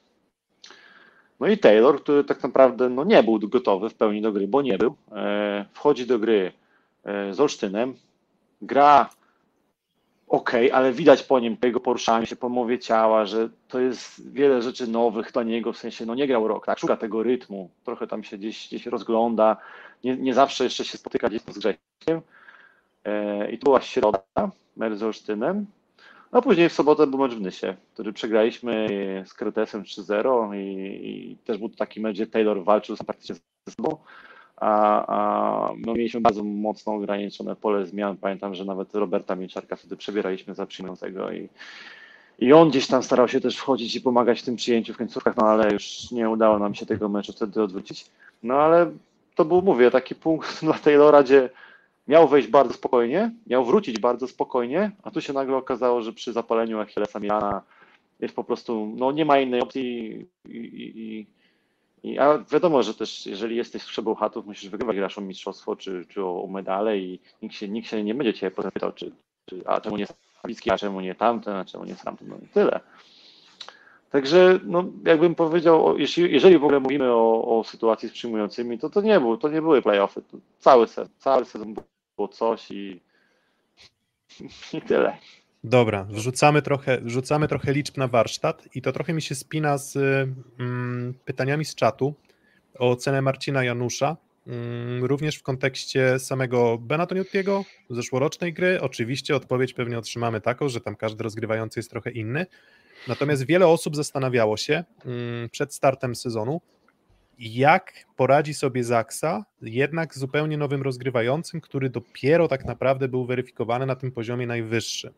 To, co widzimy teraz na ekranie, to są zgrupowane statystyki z całego sezonu. Atakujący, przyjmujący, środkowi, no i cała drużyna. Chyba nie jest dużym zaskoczeniem to, że i grupa Azoty Zaksa i Jastrzębski Węgiel są dwoma drużynami o najwyższych parametrach, jeśli chodzi o skuteczność ataku i efektywność ataku. I te różnice są bardzo niewielkie. W zasadzie, jakby miałeś dostrzec jeden element, w którym Jastrzębski Węgiel, i to trochę było widać we współpracy Toniutiego w tym tegorocznej ze swoimi zawodnikami na środku, to nawet jak był Juri Gładyr mm, i Łukasz Wiśniewski, to ta współpraca nie zawsze układała się fenomenalnie, w szczególności z Jurijem Gładyrem. Teraz na te statystyki na pewno też trochę rzutuje to, że mm, Macyra, próbujący zastępować e, Gładyra no nie można powiedzieć, że radzi sobie bardzo źle, ale jednak jakbyśmy się przyjrzeli do parametrów skuteczności środkowych w lidze w tym sezonie, to, to jest środkowy o jednej z najniższych efektywności um, w lidze. No i właśnie, no i w tym, zaczynając pytanie w taki sposób, no to właśnie, jak oceniać Marcina Janusza, patrząc po samych statystykach, jeżeli uznamy to, co mówił Oskar Kaczmarczyk, że zadaniem rozgrywającego jest wygrać każdą kolejną akcję, no to chyba wychodzi mu to w zaksie całkiem dobrze. Tak, e, ja bym powiedział, że pamiętam też Marcina z tych treningów e, no, w reprezentacji Polski, gdzie wiadomo, że trening to jest też taki, e, czy co, co chcę powiedzieć teraz, mm, że zawsze na każdym treningu jest jakieś zadanie, jakiś konkretny cel, jakieś, mm, jakieś założenie pewnego elementu gry, ale jest też zawsze taka przestrzeń, gdzie ta gra jest bardzo otwarta. No, oczywiście zależy, jaki to jest moment jeszcze, nie wiem, cyklu i tak dalej. Ale Marcin Janusz zawsze na tych treningach reprezentacji, my też prowadziliśmy takie statystyki, e, przy którym rozgrywającym jest największa skuteczność, ogólnie drużyny już nie, nie rozbije, ponieważ zawodnicy i tak się rotowali praktycznie tam co kilka minut i, i, i każdy jakby taki mini set był w innym ustawieniu trochę, no to ci, którzy grali z, e, z Marcinem Januszem, ta drużyna zawsze u Marcina Janusza miała zawsze najwyższą skuteczność. Efektywność nie pamiętam teraz, ale skuteczność na pewno. E, I, I to było też tak, że on zawsze grał właśnie na punkty przeciwko blokowi. To znaczy był po prostu bezwzględny i nie, on nie patrzył na to, że to jest trening, tylko na przykład jeżeli był ktoś tam szwankował na bloku, czy to był, nie wiem, e, czy to było prawe skrzydło, czy lewe skrzydło, czy środkowy na przykład nie mógł, akurat miał taki dzień, że nie mógł dotknąć e, jego środkowego, no to on konsekwentnie grał tam 5, 6, 7 razy, tyle ile trzeba było i, i ta jego drużyna wygrywała te sety albo te minigry, a, a ogólnie drużyna właśnie poruszała się wokół najwyższej skuteczności. E, I, I, natomiast często jest też tak, że rozgrywający na treningach chcą sobie popróbować różnych rzeczy, tak? Bo to, po to, o tego też jest trening, na przykład nie idzie nam, nie wiem, na prawym, na lewym, tu mamy 30%, chcielibyśmy mieć 38%, no to, to od tego jest trening, będziemy sobie tam teraz grali, niezależnie od tego, że na przykład naprzeciwko jest bardzo wysoki blok. Może nawet to lepiej, bo facet musi forsować bardzo wysoki blok albo znaleźć przeciwko niemu rozwiązanie. Natomiast Marcin Janusz, właśnie to, co pokazywał na tych treningach, to taki zmysł taktyczny, że on jest tutaj po to, żeby żeby jego drużyna zawsze skończyła sajda, to zawsze e, wygrała punkt na kontrze i bardzo dobrze to, co robił, to grał bardzo dobrze przeciwko blokowi przeciwnika. To znaczy doskonale wiedział, że ten przyjmujący pomaga do pierwszego tempa, ten nie pomaga. Jeżeli nie pomaga, to sobie wołał środkowego blisko, dał pierwsze tempo. Jeżeli pomaga, to sobie wołał środkowego blisko, rozciągał grę do prawego skrzydła, przyjmujący przelatywał i tak dalej, i tak dalej, w wielu innych konfiguracjach. To, to go właśnie cechowało i to teraz cechuje go również właśnie w Zakie. E, więc y, no, trzeba powiedzieć, że gra bardzo mądrze, bardzo inteligentnie. E, jego, jego jakby vis jest również rozgrywającym, który bardzo dobrze potrafi grać przeciwko blokowi, ale to Newty to jest gość, który oprócz tego ustawia sobie grę, czyli dodaje coś takiego ekstra na zasadzie elementu zaskoczenia, ale to nigdy nie jest oszołomstwo. To nigdy nie jest coś takiego, jak czasami, już nie powiem, który rozgrywający, ale są tacy rozgrywający w naszej lidze, że na przykład e, końcówka po 24, czy tam tiebreak po 13 i on zagra środkiem do gościa, który dostał jedną piłkę przez trzy sety, albo do przyjmującego, który mu nie skończył ostatnich sześciu piłek. On mu wystawi przy 13. Tylko, to jest loteria.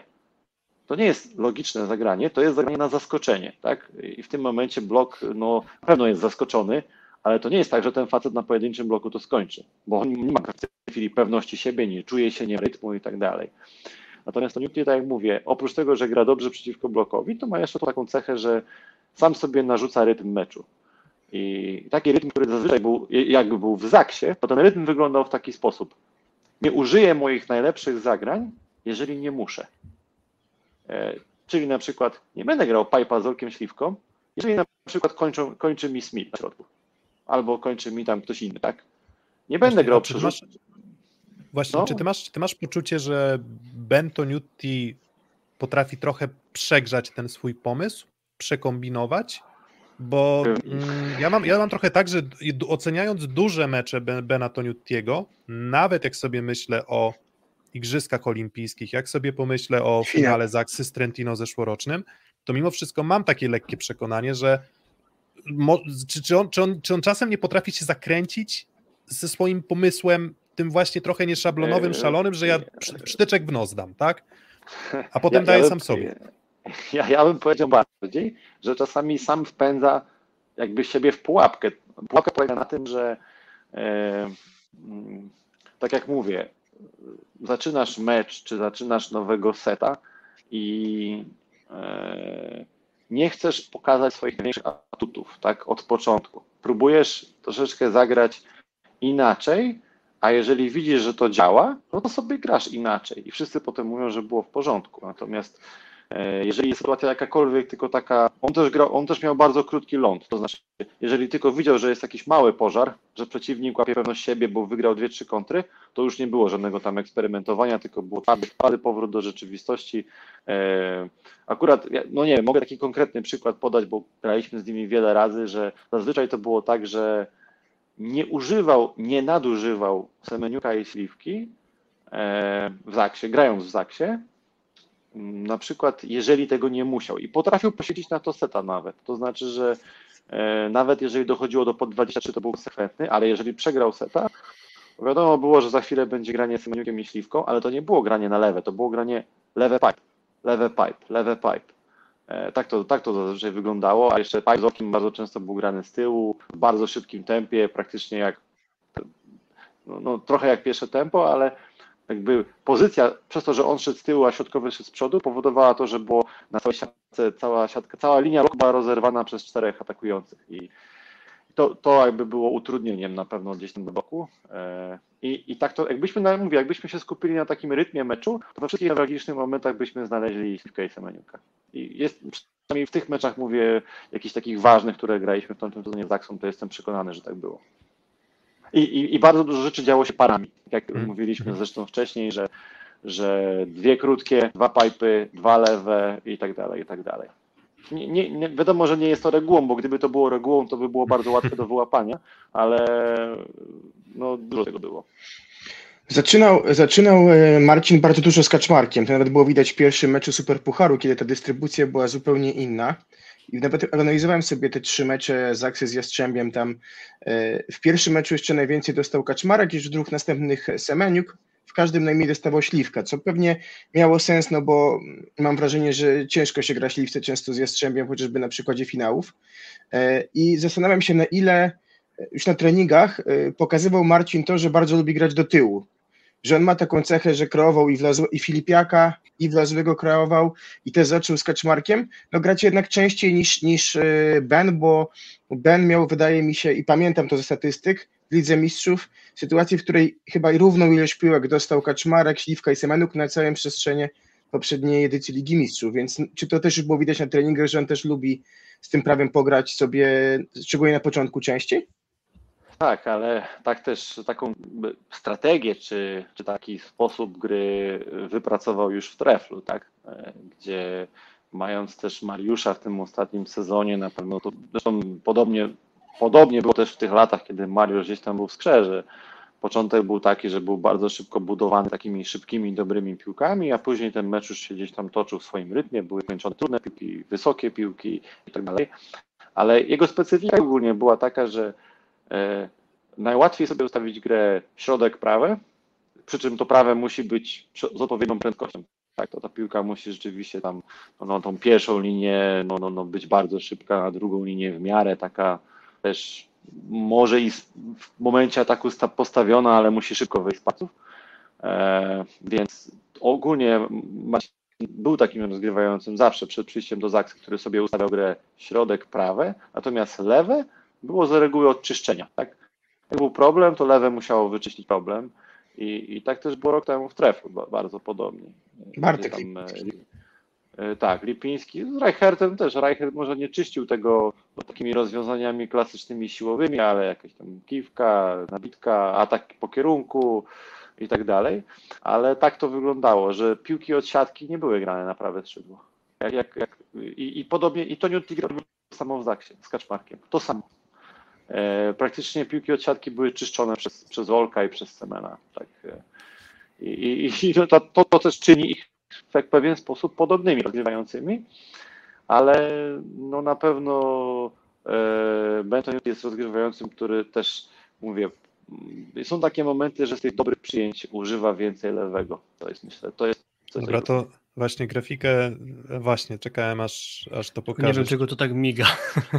Bo chyba wiesz co, musisz ten, musisz usunąć. Dobra. Okej, okay. właśnie Teraz nawiązując do tego, co powiedziałeś, tylko jeszcze spróbuję może to lekko powiększyć, jeśli mi się uda. Nie, no już nie było. Wiem, już... Uda. Dobra, tak? okay. nie psuj, nie psuj, jest dobrze. e...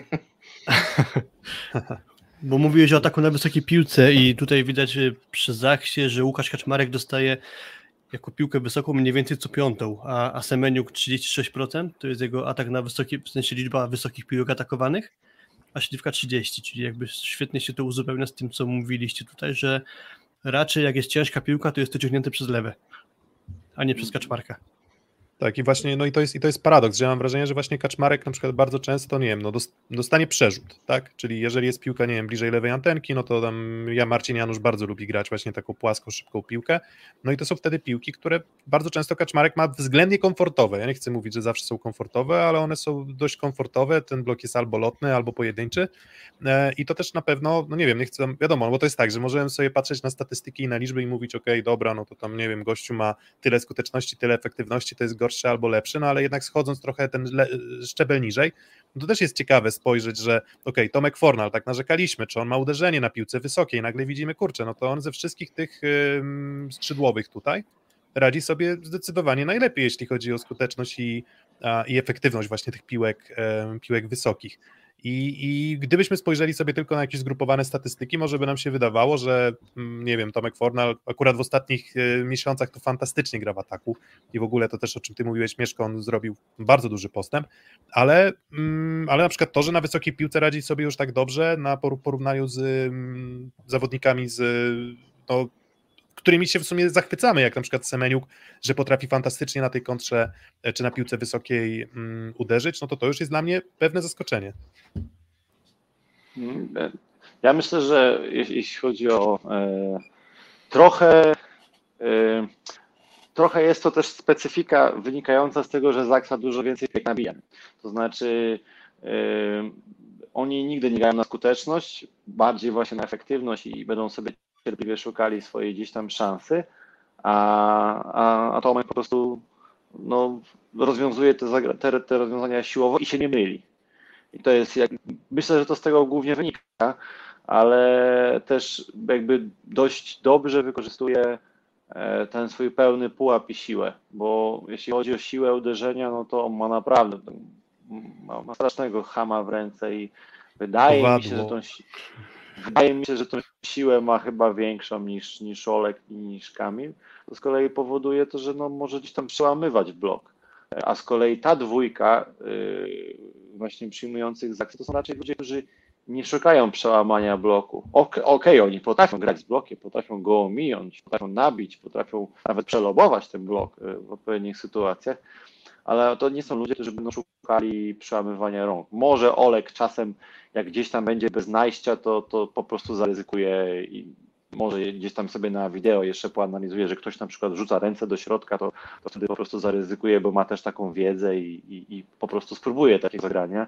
Ale no, jeśli chodzi o Tomka, to po prostu to jest wysoko, mocno w promień boiska. I, i, i to, że te liczby są tak wysokie, to po prostu dlatego, że się mało myli, bo zablokować go nie jest tak łatwo. Jeżeli on ma pełne najście, pułap i siłę, naprawdę ciężko go zablokować. Natomiast to jest tylko kwestia, czy robi błędy, czy nie robi błędów. A y, tak jak mówię, a, y, ogólnie teraz jest też taka tendencja i taka szkoła, żeby te piłki grać trochę bardziej w boisku, te wszystkie highbole.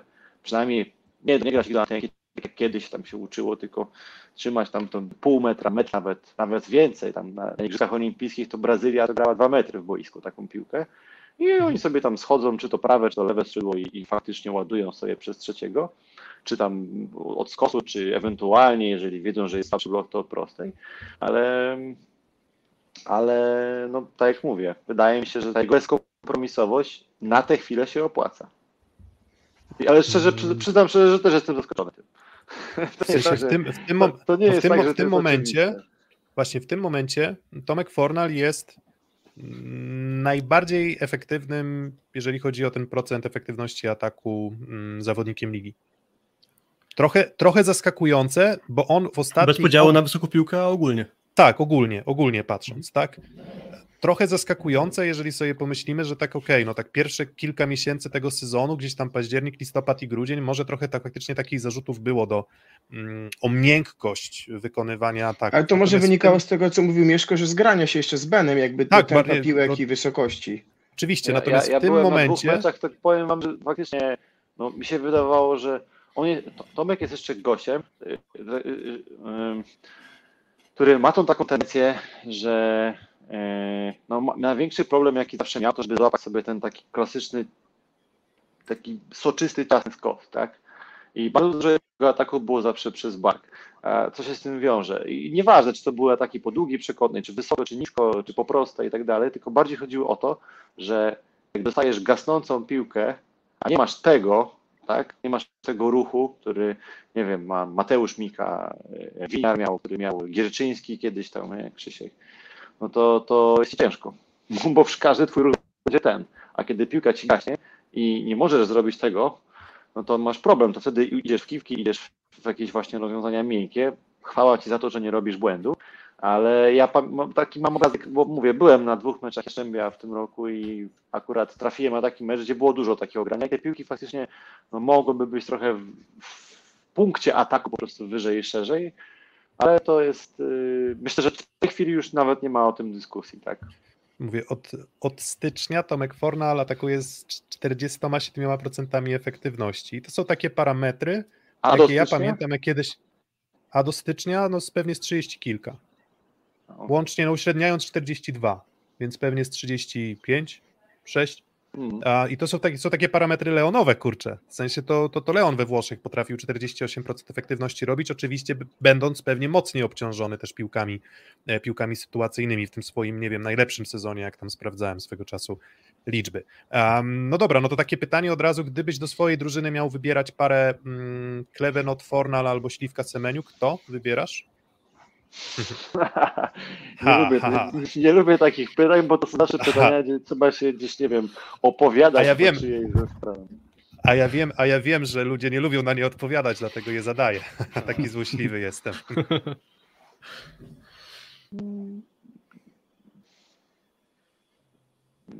Chyba postawiłbym na tą parę z Zaksy, ale to tak, nie, nie mówię tego na zasadzie e, teraz statystyk czy jakiejś takiej przewagi.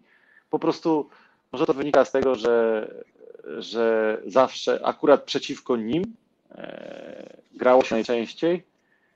I wiem, jak ciężko się po prostu przeciwko nim grało.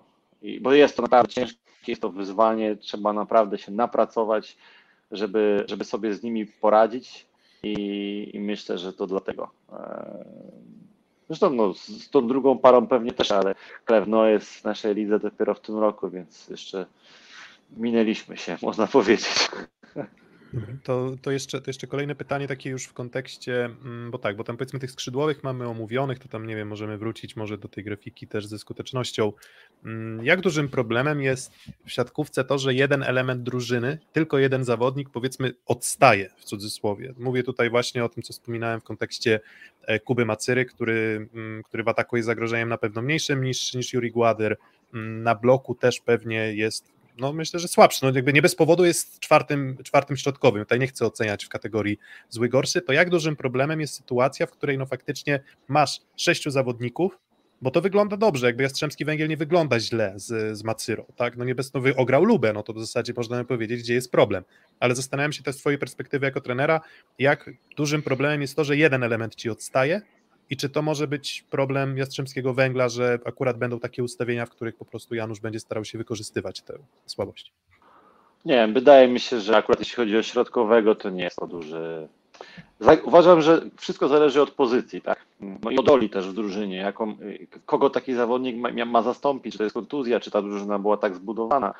no, jak ze wszystkim, ale akurat w, w sytuacji ze środkowym uważam, że nie jest to e, wielkie zagrożenie, małe, małe zagrożenie, tak bym powiedział, bo wszystko można sobie zbilansować ustawieniami, zagrywką, odpowiednią presją, reakcją, pomocą, e, a też czasem jest tak, czasem oczywiście, że ten rozgrywający też potrafi to wykorzystać, bo do, bo do takiego gościa nikt nie skacze.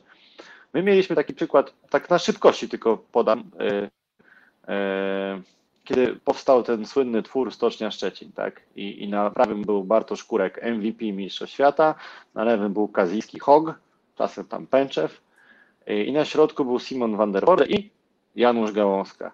I Janusz Gałązka po trzech miesiącach czy czterech, no, no, więcej się nie nagraliśmy w lidze wtedy, ale Janusz Gałązka był chyba na czele klasyfikacji y, środkowych, jeśli chodzi o atak, tylko że nikt sobie nie zawracał głowy Januszem Gałązką, tak?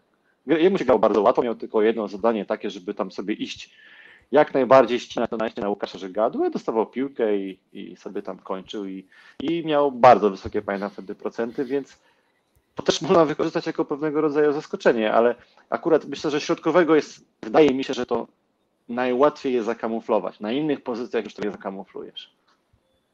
Mm, Dlatego uważam, grafika- że, to, że, że w tym przypadku Mhm. zagrożenie Okej. uważam, że jest małe.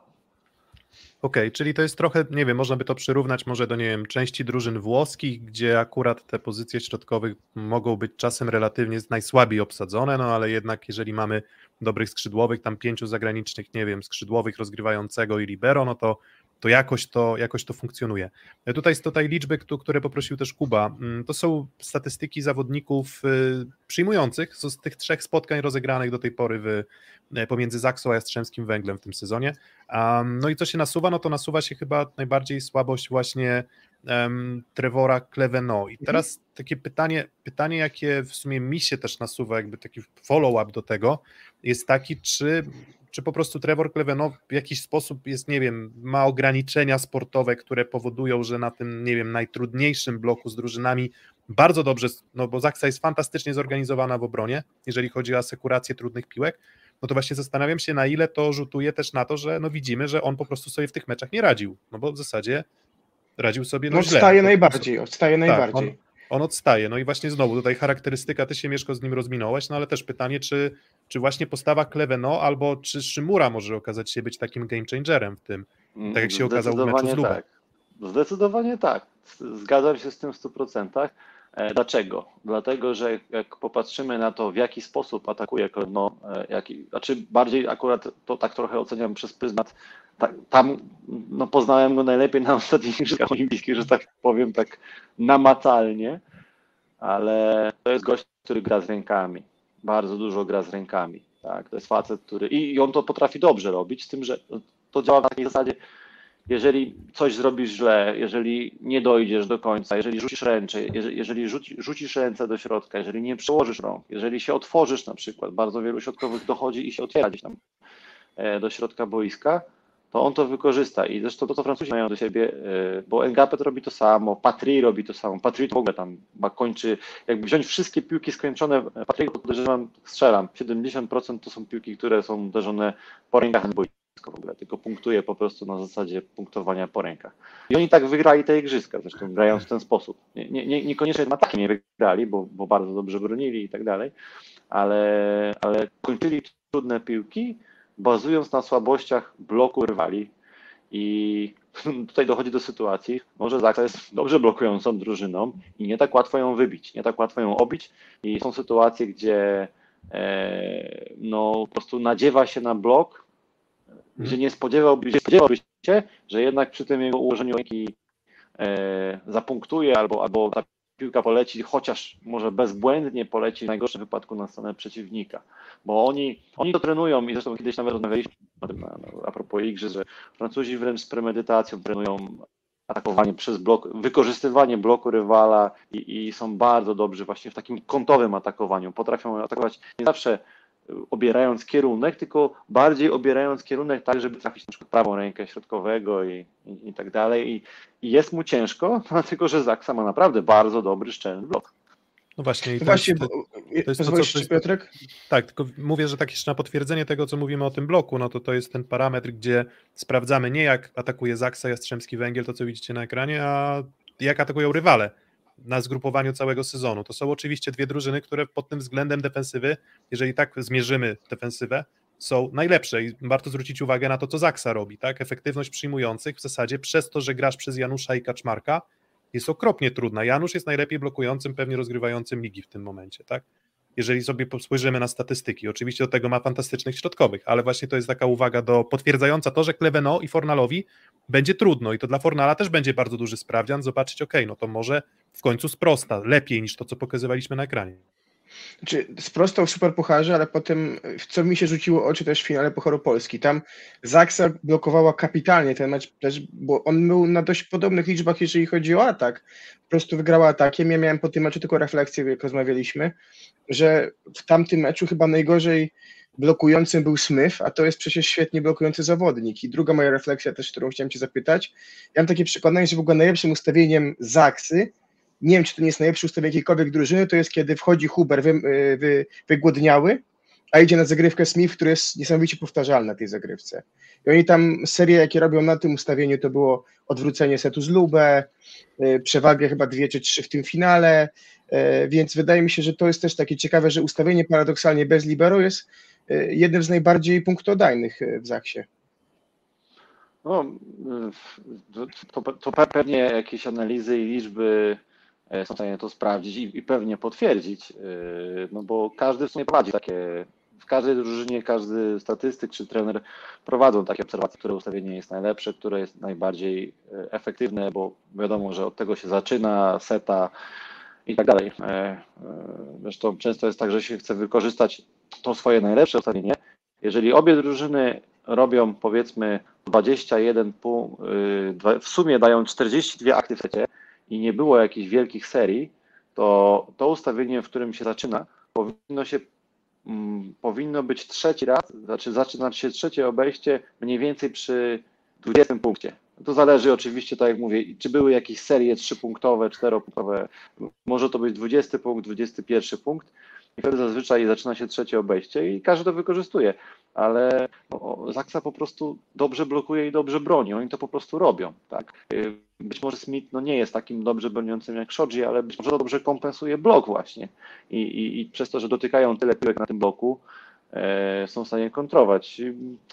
Ciężko mi jest teraz powiedzieć, jakaś jedna konkretna rzecz, dlaczego tak jest, ale no, tak jak mówię, pewnie to, to trzeba by to sprawdzić, ale no, podejrzewam, że, że wynika to ogólnie z dobrej gry Zaksy, Zaksy na bloku, może też z tego, że e, Smith chyba jest zawodnikiem, który tak mi się wydaje, no nie na to żadnego potwierdzenia teraz, ale który mimo wszystko nie robi jakichś, jakichś wielkich błędów na zagrywce, to znaczy, że ta zagrywka rzeczywiście, tak jak powiedziałeś, jest powtarzalna i można sobie pozwolić na, na, na, na, na robienie takich serii.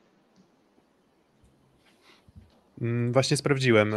Mecz to w P1 na start setów, z AZS-em Olsztyn akurat taki wziąłem, tam nie akurat z Kuprą Lubin nie, nie, nie patrzyłem, ale zaczynał, by się zgadzało Kuba, bo zaczyna Śliwka w P1 i no i potem jest Rejno na zagrywce mm, w kolejnym ustawieniu, tak, więc faktycznie sugerowałoby to, że faktycznie wtedy masz Norberta Hubera, który wchodzi i może, może coś w tym jest, no ale tam pewnie trzeba byłoby się e, przyjrzeć tym ustawieniom przez, e, przez cały przez cały czas.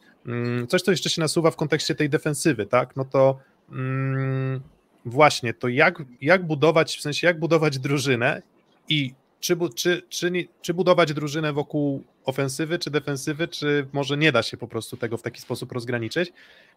Mówię o tym, no bo w zasadzie w przypadku Jastrzębskiego Węgla i Zaksy i też w zasadzie pewnie większości drużyn, które gdzieś tam wygrywały Ligę Mistrzów w ostatnich latach, to zazwyczaj ten aspekt defensywy, no nie wystarczy po prostu mieć siłę na wysokiej piłce, nie wystarczy być skutecznym, a czasem nie musisz być nawet tak bardzo skuteczny i to zeszły rok Jastrzębski Węgiel pokazywał, gdzie oni mieli swoje problemy w ofensywie. To lewe skrzydło nie funkcjonowało fantastycznie, fantastycznie funkcjonował środek, nieźle wyglądał Al-Hashdadi, ale to nie była drużyna fantastyczna ofensywnie, ale jeżeli chodzi o blok, no to pytanie, czy, ten, czy siatkówka się zmienia w tym kierunku, że te akcenty defensywne właśnie w postaci pracy na bloku w obrony, czy na przykład posiadanie rozgrywającego jak Marcin Janusz versus Bentoniutti, jak dużym atutem jest to, że masz rozgrywającego, który no, blokuje lepiej i nagle w tych kilku ustawieniach przyjmujący się męczą. Bardzo otwarte pytanie, ale po prostu chodzi mi tutaj o rangę, rangę, skalę jakby wartości samej pracy w defensywie i na bloku mhm. i czy to faktycznie jest tak, że ona staje się być, e, mm, staje się coraz ważniejsza. Zdecydowanie mm, wszyscy zaczęli poświęcać dużo więcej uwagi obronie. To tak mm, bez zdań. To się dzieje tak gdzieś od 4-5 lat, powiedział. Zresztą my sami byliśmy w szoku, kiedy Vital pierwszy raz przyjechał w 2018 roku i tam była, na dzień dobry to była obrona, obrona, obrona, obrona e, i poświęcaliśmy temu bardzo dużo czasu. Dziwiliśmy się, że nie wiem, czemu nie zagrywamy, przecież już trenujemy już 2 czy 3 tygodnie, a chyba jeszcze nawet nie zagrywaliśmy. W sensie nie było żadnego ćwiczenia, po prostu zagrywka taka w grze, ale ćwiczeń na obronę tam robiliśmy codziennie. Jakieś jedno, dwa ćwiczenia co najmniej.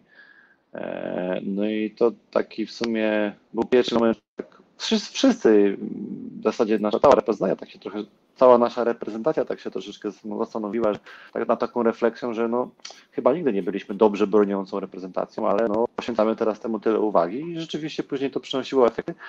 Ale potem jak popatrzymy na, na Francję, która wygrała igrzyska, która broniła no, naprawdę na, na, na instynkcie czasem, to nawet nie były obrony, to nawet nie to, co robi czasami Grebenikow albo Engapet, to często jest tak, że na przykład pokazujemy jakiś tam model libero młodym zawodnikom, tak, e, że zobacz, tutaj dobrze przeczytał, przemieścił się, zatrzymał się, pozycja otwarta i tak dalej, ciężar ciała z przodu, ręce z przodu, niezłączone, gotowe do reakcji. No, mówi, no tak, no ale Grebenikow skacze, tutaj się przesunął, tam skoczył, tu nogą obronił łokciem i to jest taka dyskusja, która no, nigdy do niczego nie prowadzi, bo to jest taki gość, po prostu jeden, jedyny gość, który tak ma przy czym no, ma obok siebie jeszcze drugiego takiego gościa, Engapeta i, i, i potem jest jeszcze Toniutti, Klewno, oni wszyscy bronią, tak? I to bardzo im pomogło wygrać te igrzyska, bardzo, naprawdę. Więc ja myślę, że ta obrona, ludzie w ogóle zrozumieli to, że trzeba się bardzo skupić na obronie w ostatnich latach, ale co, czy, czy, co trzeba zrobić, żeby wygrać Ligę Mistrzów? Ja myślę, że im bardziej masz, ok, musisz mieć na pewno jakąś siłę rażenia, bez zdań, jakąś przynajmniej, ale jeżeli masz zawodników dobrze broniących i dobrze blokujących, to jesteś w stanie dużo rzeczy kontrolować. A jeżeli masz zawodników tylko ofensywnych, to nie jesteś w stanie kontrolować praktycznie niczego. Bo, bo, bo ten rywal też chce blokować i też chce bronić i przeciwstawia się twojej największej broni, czyli, czyli zagrywce i czy ofensywnej zagrywce, czy, czy grze, grze w ataku, no ale bardzo łatwo też będzie kończył swój side-out, tak? I no mówię, trochę zmieniła się optyka ludzi, bo e, troszkę się odchodzi teraz od tych takich gwiazd fizycznych, na zasadzie, nie wiem, Lucarelli, czyli, czyli ludzi takich, którzy po prostu biją wysoko, mocno, mocno zagrywają, na rzecz wybijają ich w tej chwili ludzie, którzy nie, może niekoniecznie zagrywają aż tak mocno jak oni, albo łapią piłkę tak wysoko jak oni, ale dają im dużo więcej właśnie w obronie, w bloku, w rozumieniu gry. Rozumieją grę lepiej niż, niż właśnie tylko taki klasyczny łomot, że tak powiem. I, i no tak, i też, i pewnie, myślę, że ta... też pewnie i też pewnie mają umiejętności, czy też, nie wiem, no są na tyle elastyczni, żeby też reagować taktycznie, to co tam wspominałeś, tej pierwszej części transmisji tak, naszej, tak, tak, tak że, że to jest też istotne, że no to jest ciągła przepychanka, tak? Tak to widzę, mecz siatkówki, tak? No próbujesz zrobić cokolwiek, co trochę ci usprawni, trochę ci pomoże i reagujesz. To nie jest tak, że to jest jeden plan, tak jak powiedziałeś, tylko że, że to jest ciągła, ciągła zmiana, więc to trochę się, znaczy trochę mi trochę się to wpisuje w to, co nie wiem, no myślę, że obserwujemy też w, w, w siatkówce, że no są dwie osi, tak? To nie jest tylko tak, że jak we Włoszech bardzo długo pokutowało takie przekonanie, że ta liga włoska jest, nie wiem, fantastyczna, fenomenalna, dlatego że no właśnie są tam ludzie, którzy fenomenalnie grają na wysokiej piłce i fenomenalnie zagrywają, że zagrywka i wysoka piłka to wystarczy, a okazuje się, że może jednak nie. Tak, dokładnie tak. No ja się zgadzam i, i fajnie, że tak jest, bo gra jest ciekawsza, bardziej właśnie uniwersalna, daje szansę, że tak powiem, no, no, no, szerszemu gronu ludzi. Jeżeli nie masz parametrów nie wiadomo jakich, to możesz to wszystko właśnie sobie gdzieś tam skompensować w innych elementach, tak? Kwestia tego, że do tej pory ludzie, przez to, że taka była moda i taki był trend, to ludzie troszeczkę tak dyskredytowali właśnie tych zawodników takich uniwersalnych, którzy są w stanie dać e, dużo w wielu elementach, tak. Moja, na przykład, no nie wiem, Robert Andringa to jest, e, ja wiem, że tam dużo ludzi uważa, że to jest facet, który tam, nie wiem, nie kończy piłek tam, czy, czy ma jakieś tam niższe procenty w ataku, natomiast no to jest facet bardzo uniwersalny potrafi dać naprawdę bardzo dużo, z tym, że no, musimy zachować jakby odpowiednie proporcje, tak, o co ten facet ma walczyć, w jakiej drużynie ma grać, ale to jest taki przykład właśnie zawodnika, który gra Paul Lotman. Cieszy... Po. Paul Lotman, Paul Lotman e, nie pamiętam, czy on w obronie, na pewno był walczakiem. To, to, to, co cechowało Paula Lotmana, to charakter to, że jak przychodziło najważniejsze granie, to Paul Lotman był nagle w życiowej formie. Paul Lotman z rundy zasadniczej, Paul Lotman z playoffów był kompletnie inny zawodnik. I to nie, że, że grał dobrze, ale on mentalnie był zupełnie inny. On chłopaków ciągnął, dać, jedziemy panowie, teraz w ogóle... E, natomiast e, tak, to, no i mamy kilku takich zawodników na naszej lidze, e, takich właśnie tylko, że musimy się nauczyć ich doceniać, a niekoniecznie takich tam od razu, nie, że nie skończą trzech piłek i, i w Polsce się od razu tam ich topi do wora. Nie no, to, jakieś, to to zagranie jest, takie wstrykanie. Dokładnie, to, to, taki- takim co to, wstrykaniem to... Dokładnie, dokładnie. Em, dobra, to jeszcze tak, dalej jeszcze mamy tak, y, grafiki, czyli tak, rozkład, e, rozkład ataku, czyli tam powiedzmy wybory, a, wybory rozgrywających.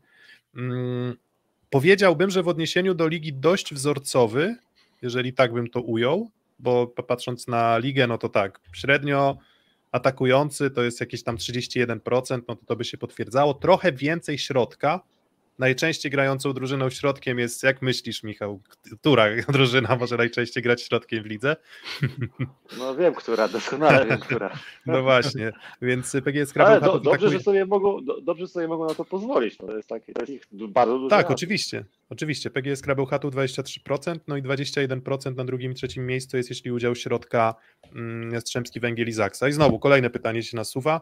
Um, bo te, te, tego środka Jastrzębski Węgiel z Macyrą gra mniej, no to widać, tak, widać to w parametrach, widać w statystykach.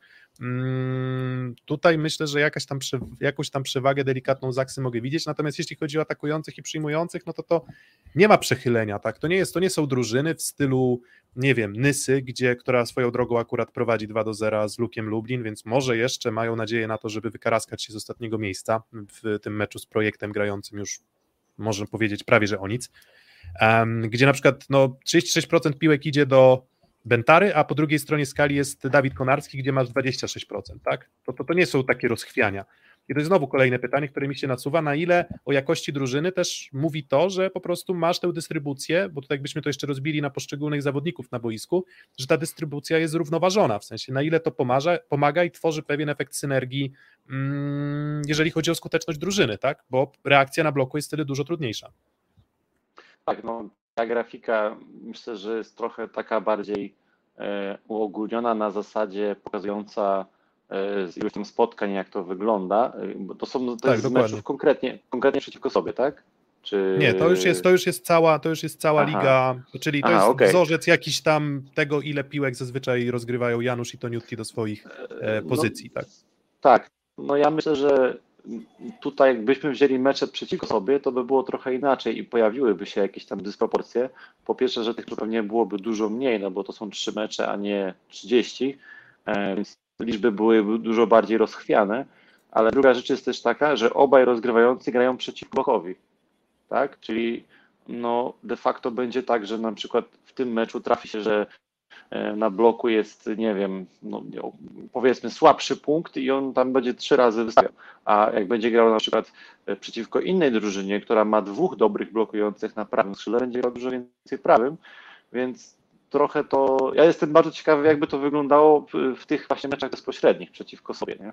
A, a jeszcze tylko, że te mecze też były szybkie, to znaczy 3-0 wszystkie, y, wszystkie te spotkania, a to z kolei powoduje sytuację, że e, bardzo często rozgrywający no, muszą siłą rzeczy zmieniać, czyli nie wiem, nie idzie ci lewym, no to próbujesz prawym, pipem i tak dalej. Zresztą y, ta grafika też myślę, że e, jakby uwzględnia zaangażowanie przyjmujących w atak, ale jakbyś rozszczepili tutaj jeszcze przyjmujących na atak z pipa, to jestem bardzo ciekawy, bo optycznie bym opowiedział, że to Newt grając grał bardzo dużo tego pipe'a i teraz byłbym bardzo ciekawy właśnie, jak to się ma po tej zmianie do Jastrzębia.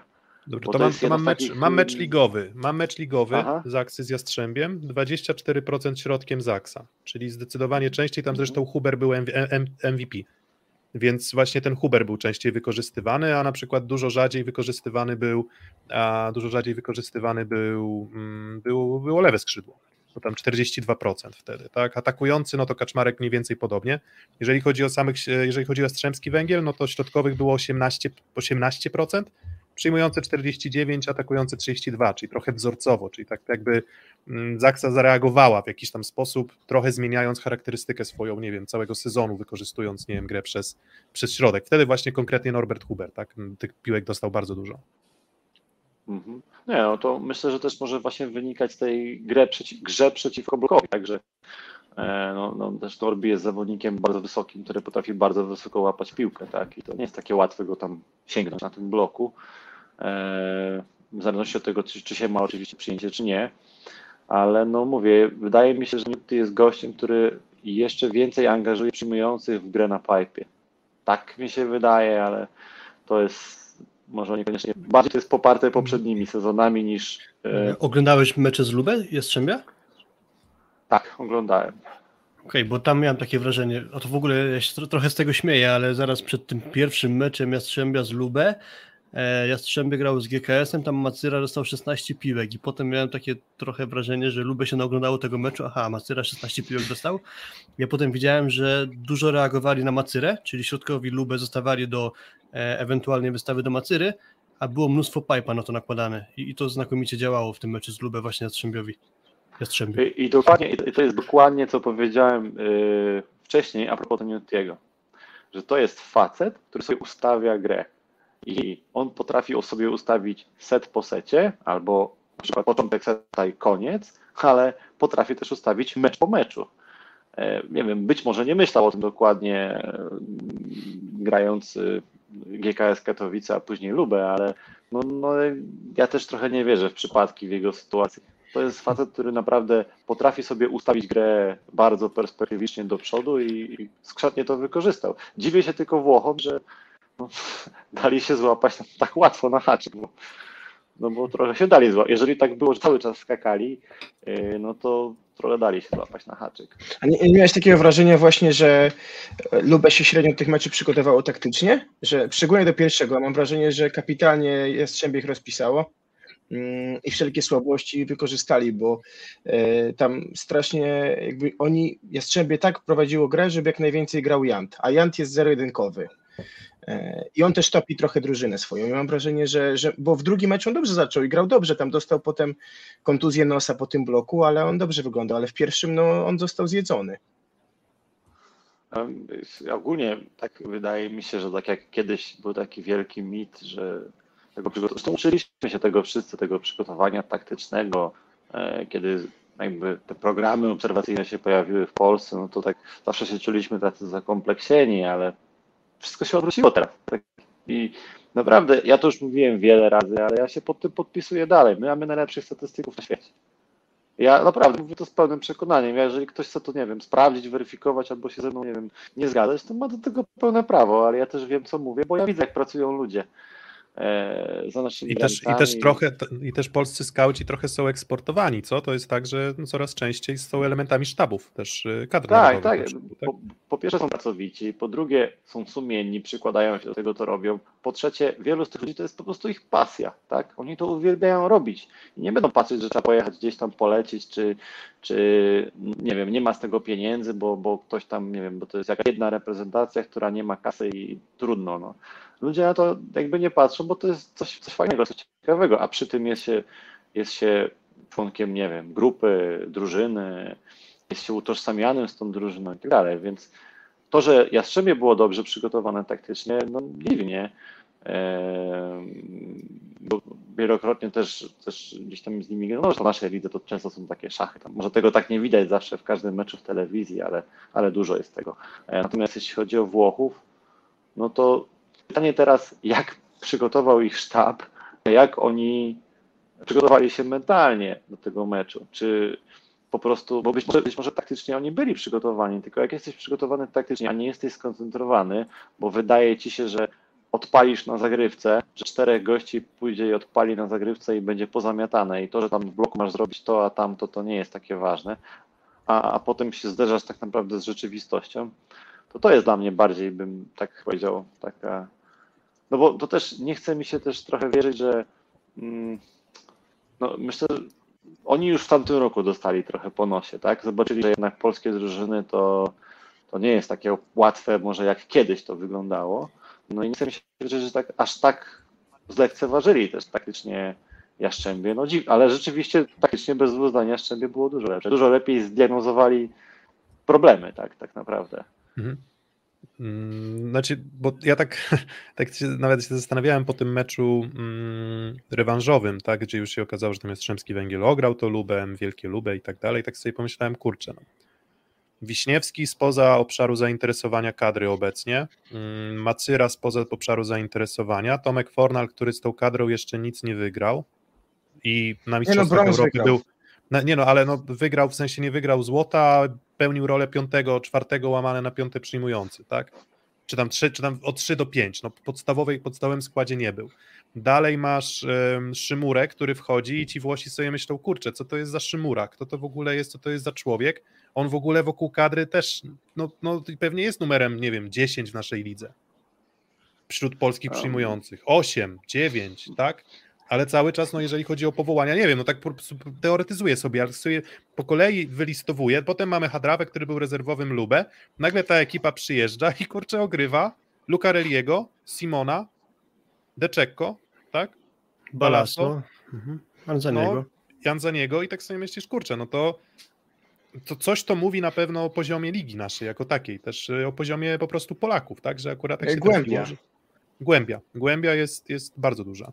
I się zastanawiam, na ile Włosi mogą właśnie lekceważąco, bo może już z tym Semeniukiem, to już myślą, kurczę, no w zeszłym roku Semeniuk, Śliwka, Kaczmarek, no to już ich poznaliśmy, tak? A tutaj właśnie może, może faktycznie jakiś tam poziom lekceważenia się pojawił, tak? Nie wiem, trudno mi powiedzieć. A może Nie. po prostu byli słabsi sportowo, tyle. No. Ja myślę, że oni, znaczy włoska mentalność też jest specyficzna bardzo, tak? Oni zawsze się śmiejemy, jak gramy ten mecz Polska-Włochy gdzieś tam e, na poziomie międzynarodowym, że to jest zawsze zderzenie dwóch kultur siatkarskich e, i że to jest coś więcej niż mecz. To znaczy, że Włosi mają zawsze takie poczucie, że oni są tymi, którzy wyznaczają trendy we wszystkim w siatkówce i wyznaczali trendy w tych ostatnich 20 latach, e, bo mają świetną ligę, reprezentację, trenerów, cały tabun, który zalał Europę i nie tylko Europę. I i że generalnie myśl włoska szkoleniowa, ta szkoła włoska siatkarska jest najlepsza. No i później jakby jest ta nasza polska, rosyjska i tak dalej, że to jest mecz zawsze dwóch takich ideologii. No i ja, ja naprawdę nie wiem, co oni mogą myśleć. Nie wiem. Nie mam pojęcia, ale wiem też, że to raczej nie są tacy ludzie, którzy tam e, byli jakoś przesadnie skromni, tylko raczej oni właśnie okay. stawiali siebie zawsze jako takich, prawda, bogów. E, natomiast mhm. trzeba też popatrzeć na to Lubę, bo tak, bo mówimy, że to jest włoska drużyna, no ale tak. Rozgrywający jest z Argentyny. Na lewym mamy Janta, na drugim lewym jest, e, kto tam jest? No jest Juan Torena jeszcze. Jest Lucarelli, czyli mamy generalnie reasumując dwóch Kubańczyków i Brazylijczyka. Na środku mamy Kubańczyka i Włocha, ok. I e... na, li, na libero Włocha, tak, Balaso, tak i. Ta, tak. I na no ataku. Puertorykańczyk. Na ataku Puertorykańczyk łamane na USA i Włoch łamane na Rosjanie. No tak. Czyli Zajcew, tak? No bo tam... I teraz pytanie jest takie, jak mentalnie, jak bardzo mentalnie ta drużyna jest włoska tak naprawdę. Mentalnie mówię, nie mówię paszportowo, tak, tylko mentalnie, jak oni są włoską drużyną. No bo ja też tam czytałem jakiś wywiad z Deczeko ostatnio o depresji i tak dalej. I no oni są taką drużyną na papierze, że oni, od nich się oczekuje, że oni mają zawsze wygrać. I to nie ma, że nawet Kazań tam, czy ktoś inny, czy w sensie takie marki, tak, no bo tam już takie są mhm. legendy trochę owiane wokół Kazania, wokół Lubę właśnie, wokół kilku klubów w Europie, tylko oni zawsze mają wygrywać.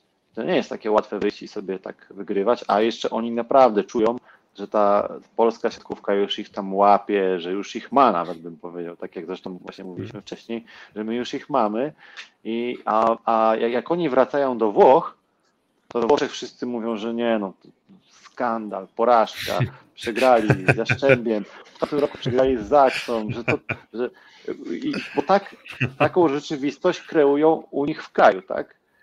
I, i się nie gra wcale łatwo, właśnie teraz, teraz z nami. To samo było zresztą na igrzyskach, y, najpierw jakieś tam, Włosi byli jedyną drużyną, która się nie przygotowała w, w bańce, tak, w Rimini. Tylko opuścili drugi skład, y, pierwszy gdzieś tam jakieś tajemnicze przygotowania i tak dalej. Okazało, że Zajcew w ogóle bez formy nie skacze. Grali słabo, no. I, i młody Micheletto musi nagle ciągnąć grę na Igrzyskach Olimpijskich, tam gdzieś wyciągnięty w pierwszym meczu z Kanadą, już ledwo, ledwo źpieli, to można powiedzieć, po dwóch setach i Micheletto im ratuje skórę w pierwszym meczu i generalnie mniej lub bardziej jakiś ten wizerunek na Igrzyskach cały ratuje tej reprezentacji.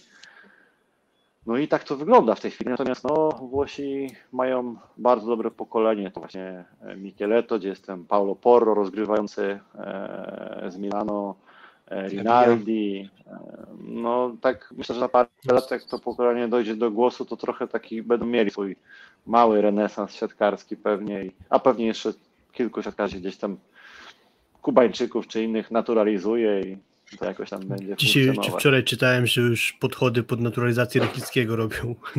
No tak, to, to ja mówię, to ja oglądałem akurat Wiesz. ten mecz właśnie w domu tutaj z rodziną i śmiałem się, pamiętam, mówiłem, że no, taka włoska drużyna, że ciężko tam Włocha znaleźć w tej drużynie. No to prawda, szczególnie, możemy, w pierwszym możemy meczu. Możemy być dumni z tego, że, że mamy właśnie Polaków na, na, na. No właśnie, i Zaksa nie wykorzystuje limitu co krajowców, a mogłaby mieć jeszcze jednego dobrać, tak? Ale jakoś się no okazuje, no że ci Polacy, Polacy po prostu są mm, dobrzy, tak? No jakby, no, tak jak mówię, no, le, leczmy, leczmy, leczmy kompleksy, tak? Bo to tak trochę. Pie, pierwsze, że leczmy kompleksy, a drugie, yy, no nie zawsze narzekajmy, że tam.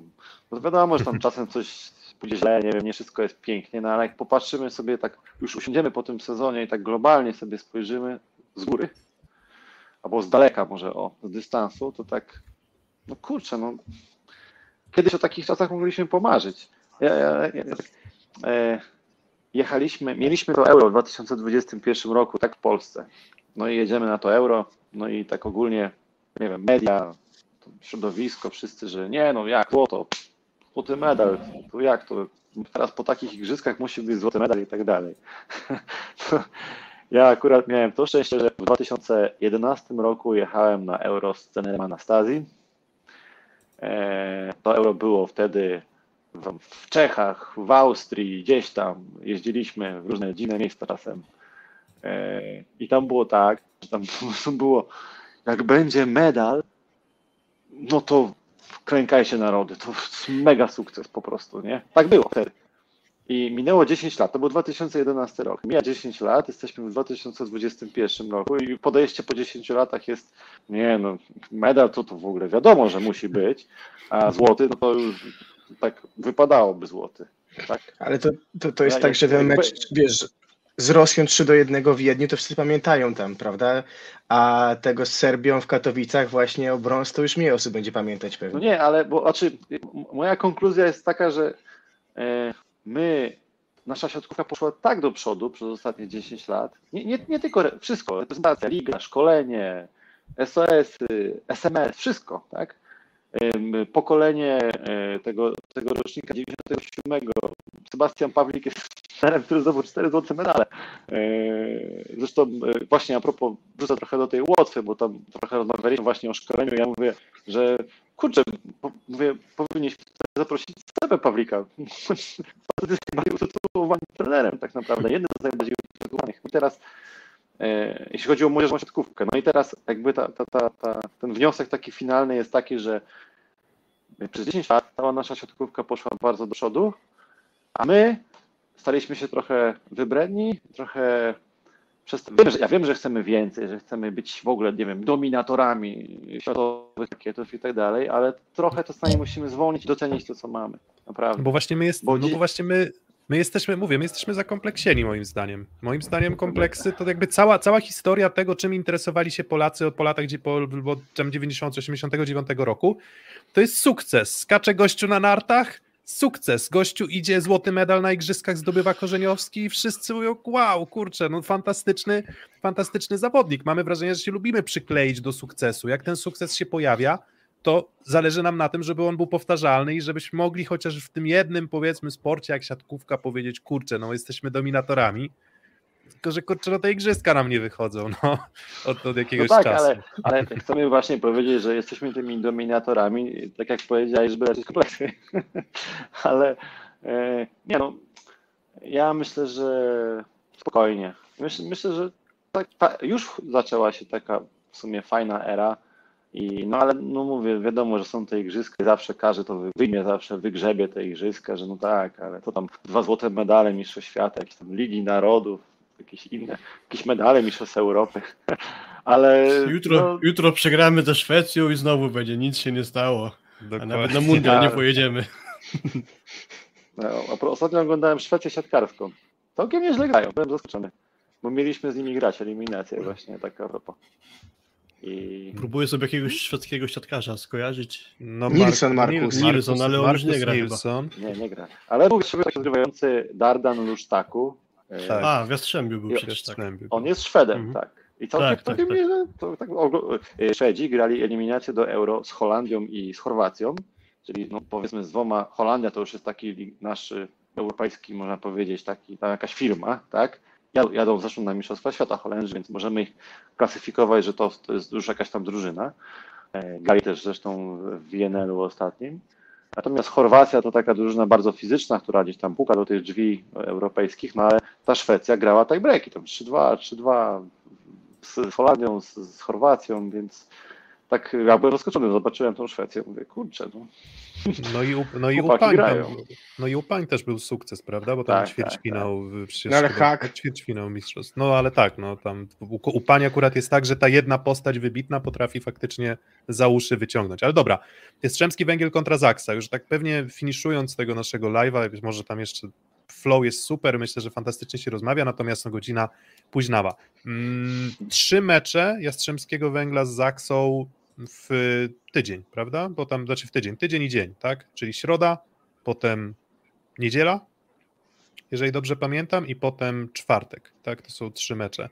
Um, pokazaliśmy liczby, przedyskutowaliśmy, wskazujemy ci lepsi, ci gorsi, ale w zasadzie wszystkie te liczby, jakie, na jakie patrzyłem, wychodzą mi na to, że kurczę, no to są równe drużyny i ja bardzo ba, mam bardzo duży problem z tym, kogo wytypować jako faworyta i gdybym powiedział, że gdyby to były drużyny świeże, gdybym miał taką, takie przekonanie, że się przy, przygotowały pod te konkretne mecze, może, nie wiem, zadyszka Zaksy w ostatnich, e, w ostatnich, nie wiem, tygodniach też wynikała z jakiejś tam cięższej pracy, może ze zmęczenia, to może bym odrobinę wyżej stawiał Zaksę, ale ciekaw jestem twojego typu, Mieszko, no i oczywiście i Kuba, i Filip, i, i na czacie, bo ankietę odpaliłem i 70% ludzi jednak typuje zwycięstwo Jastrzębskiego Węgla, z czego tam 37%, najczęstszy typ to jest 3 do 0, 3 do 1 dla, dla Jastrzębskiego Węgla i no to jest trochę, mówię, bukmacherka, trochę losowanie, ale ja naprawdę nie mam dobrego pomysłu na to, żeby powiedzieć, ok, ta drużyna jest dla mnie, nie wiem, no faworytem. Dla mnie to są rzuty monetą tej dyspozycji. Ja myślę, że tak samo głowa będzie tutaj grywała bardzo dużą rolę. No i pytanie jest, jak poszczególni zawodnicy i jak też drużynowo te drużyny dźwigają ciężar tak? takich, y, takich gatunkowych meczów. I to jest zagadka rzeczywiście, bo na przykład, y, ja, ja tylko no nie oceniajcie tego, że jakby, nie wiem, krytykuję kogoś, czy, mm, czy zarzucam coś komuś, no ale tak. E, Ile takich meczów, no pewnie nie wiem, Norbi nie rozegrał wielu takich meczów w swoim życiu, dlatego jest zagadką. Może zagra świetnie. On potrafi grać naprawdę bez, bez nie przejmuje się jakoś tam bardzo, że, że jest jakaś stawka. Simona już tak zablokował. No właśnie.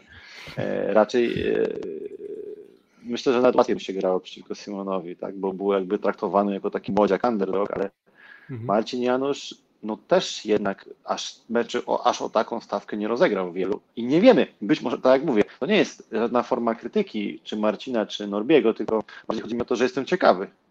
I, i to jest taki, czy- bo uważam, że to jest bardzo ważny czynnik. i jestem ciekawy, jak oni to dźwigną.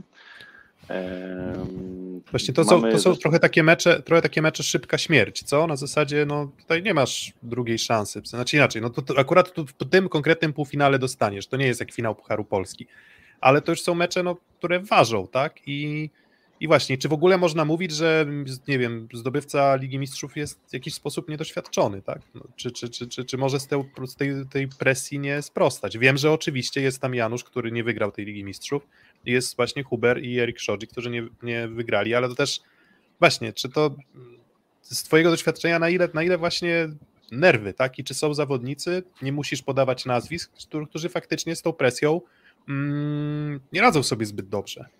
Na pewno tak. Zdecydowanie tak. Bo, bo drużyna są tacy zawodnicy i, i to będzie bardzo ważny czynnik. Mnie, mnie bardziej ciekawi, co zrobią drużyny w drugim meczu. To jest dla mnie zagadka też. Bo, no, e, jeszcze się okazuje, że ten mecz ma znaczenie teraz w sensie układu tabeli i tak dalej, bo doszło do roszady. E, no to taki mecz bardzo dziwny dla mnie, ten drugi. W sensie, teraz tak, załóżmy, że jesteś tam trenerem, przegrywasz pierwszy mecz, co robisz w drugim meczu ligowym? Myślisz, co zrobić, żeby wygrać ten mecz następny, tak? Na co zmienisz szóstkę, drugą szóstkę, puścisz, możesz przegrać rundę zasadniczą przez to, tak? Dlatego sytuacja jest bardzo, bardzo ciekawa i ja myślę, że ten temat trochę, trochę gdzieś tam y, y, umyka ten temat tego drugiego meczu, a tak naprawdę to, żeby wygrać trzeci mecz, w sensie ten, ten rewanżowy mecz, E, z takiego psychologicznego punktu wrażenia, klucz może tkwić w tym meczu ligowym tak samo. Co, co, jak do tego podejdą obie drużyny? Czy dadzą odpocząć, czy zagrają na full, czy, czy ta drużyna, która wygrała, będzie chciała poprawić jeszcze drugi raz, tak? No to jest, myślę, że takiej sytuacji to, to, to stanowi też o wyjątkowości tej rywalizacji, że jest między tymi dwoma meczami taki przerywnik, który może mieć bardzo duże znaczenie. Jeszcze o tyle nieszczęśliwie się złożyło, że ten mecz będzie tak naprawdę może być o pierwsze miejsce w rundzie zasadniczej. To też nie jest bez znaczenia. I co innego, gdyby no, ten mecz do... był o nic. Dokładnie, dlatego ja mówię, sytuacja jest bardzo ciekawa. Myślę, że e, ten, ta drużyna, która przegra, będzie miała w pierwszym meczu, będzie miała bardzo duży ból głowy, co zrobić z drugim meczem. I to mhm. bardzo duży. I, i, i będą, i czasu też nie ma dużo, tak, na odpoczynek i, i tak dalej. Wydaje się, że jeszcze mnie, wydaje się, bo to też nie jest takie pewne, że ma troszkę może więcej możliwości, jeśli chodzi o, o, o jakby skład, tak, e, niż Zaksa. No ale nie wiem, no, to, jest, to jest coś ciekawego na pewno. A, a ty widzisz, widzisz mm, po Jastrzębiu albo po Zaksie objawy zmęczenia? Coś, co dla ciebie byłoby sygnałem jako trenera, że to są, nie wiem, zawodnicy, którzy są zmęczeni? Sensie, nie wiem, na przykład Kamil Semeniuk, 8 błędów w ataku ze scroll. Mhm. Coś, co mu się nie zdarza praktycznie nigdy. Tak i się zastanawiam, na ile to zmęczenie może się przełożyć, nie wiem, właśnie na to, że brakuje ci tych kilkunastu centymetrów czasem, żeby się zmieścić w piłkę, tak? No, do, znaczy na pewno to wynika z tego, że te, te błędy, które tam popełnisz, na przykład nie, nie, u Kamila najczęściej ja, przynajmniej jak to widzę, widzę coś takiego, że nie mieści się po tym ciasnym skosie, tak? I te błędy bardzo często się objawiają tym, że ta piłka się gdzieś tam smyra po taśmie i wychodzi w aut, albo po prostu w ogóle uderza w boczny aut. No i e, to, to jakby pokazuje, że faktycznie on nie jest na takim pułapie, na jakim on myśli, że jest. Że nie potrafi się zmieścić w to boisko w taki sposób, który mieścił się 100 czy 200 razy przed chwilą. I na pewno jest to jakiś tam aspekt zmęczenia. Ja takie symptomy widziałem w tamtym roku w playoffach. Kiedy graliśmy półfinały, Zakson miał takie momenty, że tam gdzieś tak piłkę wyrzucił jedną, czasem dwie w aut, na pewno nie osiem. E, mhm. e, I, i, i, to, I to samo później było w finałach z Jeszczemiem. Też były takie momenty, że, że w nim było, że gdzieś tam tą jedną czy drugą piłkę no, uderzył, jakby czuł, że się zmieści, a się nie mieści. Ale czy to jest aż tak zmęczenie i czy to jest ten etap, bo, bo jeszcze mhm. został miesiąc grania, więc myślę, że myślę, że nie powinno tak być, a też wydaje mi się, że i oba sztaby i trenerzy, oni też wiedzą o co grają i przygotują drużynę najlepiej jak mogą na to, na to, na to dokładnie na te mecze. Tak, I to tak jest, że już podejrzewam, że tam przygotowania już trwają od, od prawie dawna tak naprawdę do tych, do tych spotkań i tam jest wszystko poanalizowane i przeanalizowane, a a w głowach zawodników też już są jakieś pomysły, jak grać i, i myślę, że też jest taka, taka kreowana taka myśl o samej rywalizacji. To też jest bardzo ważne, żeby nie dać się zaskoczyć rywalizacją, że przychodzę dzisiaj na mecz, a tu trzeba grać, tak? Ja, ja wiem, że to są sytuacje może abstrakcyjne dla, dla kogoś, ale proszę mi wierzyć, zdarzają się takie sytuacje na, nawet na I tak sobie myślę, że, że, że, w życiu zwyczajnym poza sportem, ja bym sobie pomyślał, w, w środku jest mecz o dużo mniejszą stawkę, no bo okej, okay, wygrana faza zasadnicza i jasne, no ale na końcu to, to jest trochę większe prawo do własnego parkietu. Tak ja bym odbierał to w tej chwili. Hmm, przy tym, jak równe są drużyny 3-6, e, jeżeli chodzi o potencjalny półfinał. I bym sobie myślał, może trzeba odpuścić weekend, ale myślisz, że raczej nie, że to ta, ta jakby chęć kreowania się w tej rywalizacji e, i weryfikacji też przeciwnika w boju jest na tyle istotna, żeby jednak nie zagrać tymi drugimi składami w weekend. To znaczy, e, wydaje mi się, że zachowanie rytmu ogólnie zawsze pomaga. E, tylko pytanie jest, ile jest czasu, bo tu jest bardzo mało czasu. I, i a, a też jest jeszcze takie pytanie, najgorszy możliwy scenariusz, jaki jest dla trenera w takim meczu, mówimy o tym meczu numer dwa teraz, za wszystkich tych trzech spotkań, czyli o tym meczu ligowym.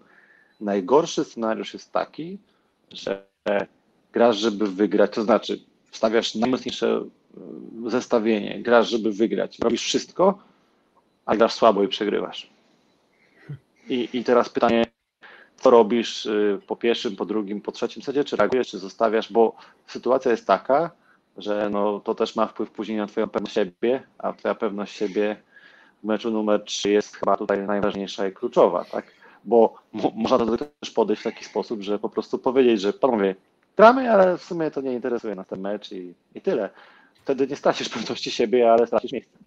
I, i no bo zobacz, dużo, masz zawodnika, który dużo, dużo prawdopodobieństwa przegrasz mecz cztery bloki w pierwszym meczu, cztery w drugim, to ja nie wiem, czy on w te trzeci wychodzi w ogóle szczęśliwy, że musi grać trzeci raz tym samym blokiem. To znaczy, to też jest tak, że ta drużyna wygrana musi potwierdzać, tak? I to jest akurat fajne w tej rywalizacji, że to nie jest tak, że wygraliśmy dwa razy i już mamy wszystko i w trzecim meczu to sobie tam wyjdziemy i robota zrobiona, tylko ta drużyna też to musi potwierdzać, a to też, to też jest jakaś forma presji. Ale no mówię, ja uważam, że paradoksalnie w całej tej sytuacji drugi mecz może się odbić na, na, na, całej tej rywalizacji na trzecim meczu. Dlatego jestem bardzo ciekawy, jak tego podejdą drużyny. Ja, ja nie mówię, że ktoś zagra na, na, na 50% na pół gwizdka. Może na przykład ktoś da odpocząć innemu zawodnikowi, dwóm, albo może wyjdą na obie drużyny i będą grały, właśnie walczyły. No ale jest to dla mnie akurat taki, uważam, że to może być klucz w całej tej rywalizacji mecz numer dwa. Właśnie, no to jeszcze, to jeszcze się nasuwa skojarzenie z e, playoffami właśnie rozgrywanymi, tak na zasadzie wygrywasz, przegrywasz, jak się otrzepać, w sensie mm, co, co, co, co zrobić, żeby otrzepać się, jeżeli na przykład, nie wiem, okazałoby się, że Jastrzębski Węgiel, no nie wiem, daje, znaczy nie spodziewam się lania, w sensie to te mecze poza Pucharem Polskim, no to te poprzednie mecze, no to też nie były mecze, o których mógłbym powiedzieć, że nie wiem, no pomimo tego, że to jest 3-0, no to może być 3-0 i może być inne 3-0. Te 3-0 były raczej takie względnie jeszcze równe, no ale co zrobić, jeżeli dostaniesz takiego łupnia, jeżeli dostajesz jak Pucharze Polski, a za trzy dni grasz kolejny mecz, to, to, to, to co, co jako trener, co zawodnicy mogą zrobić, żeby nie, żeby to nie wpłynęło na ich mental? Naj, jakby najłatwiejszą taką, oczywiście wiadomo, że każdy to musi przeżyć na swój sposób, tak? E, natomiast najważniejsze jest to, żeby jak najszybciej to sobie poukładać w głowie i wyciągnąć też wnioski, tak? Ale znaleźć, przede wszystkim znaleźć pozytywy i znaleźć te różnice, że bardzo często jest tak w takich że mówimy, no tak, gdyby to, gdyby to, gdyby tamto, ale znaleźć jeden taki aspekt, który, no tak, gdybyśmy to zrobili lepiej, to to na pewno byśmy wygrali, albo te dwie piłki byłyby po naszej stronie, dlatego że coś takiego zawsze daje nadzieję i daje jakby w takim racjonalnym myśleniu, daje ci pewne wytłumaczenie, może nawet pewne usprawiedliwienie. Na zasadzie, że no tak, przegraliśmy, bo zrobiliśmy coś źle. I teraz, kiedy, kiedy masz taką świadomość, że wiesz, co zrobiłeś źle i, i, i mało tego, wiesz, że ten element możesz zrobić lepiej, bo poprawić go na treningu już nie poprawisz, nie masz na to czasu, możesz sobie zrobić jakiś taki jeden nie wiem, akcent w treningu, który może trochę pomoże ci jeszcze bardziej utwierdzić w tym przekonaniu, że to umiesz. I kiedy przekonasz sam siebie, że potrafisz to zrobić, to co zrobiłeś źle w poprzednim meczu, to wiesz, że e, dajesz sam sobie nadzieję. i jakby zaczynasz wierzyć w to, że no tak, no poprawię to i będzie dobrze. I, wychodzisz na następny mecz i wygrywasz. Akurat y, w tamtym sezonie w playoffach dużo było takich zwrotów. Y, nawet tutaj na, na tym naszym przykładzie, na przykładzie Skrydzie. Przegrywaliśmy pierwszy mecz, ale wygrywaliśmy drugi. I mniej więcej tak to właśnie, tak to właśnie funkcjonowało, że wiedzieliśmy, że to, to no, jeżeli to zrobimy lepiej, to będzie na pewno lepiej. Czy wygramy? Nie wiadomo, nigdy nie wiadomo, tak? Ale, ale ważne jest, żeby właśnie przekonać samego siebie, że potrafisz zrobić lepiej te rzeczy, których nie zrobiłeś dostatecznie dobrze w ostatnim meczu. Dobra, no to co? No to w skrócie mówiąc, pierwszego...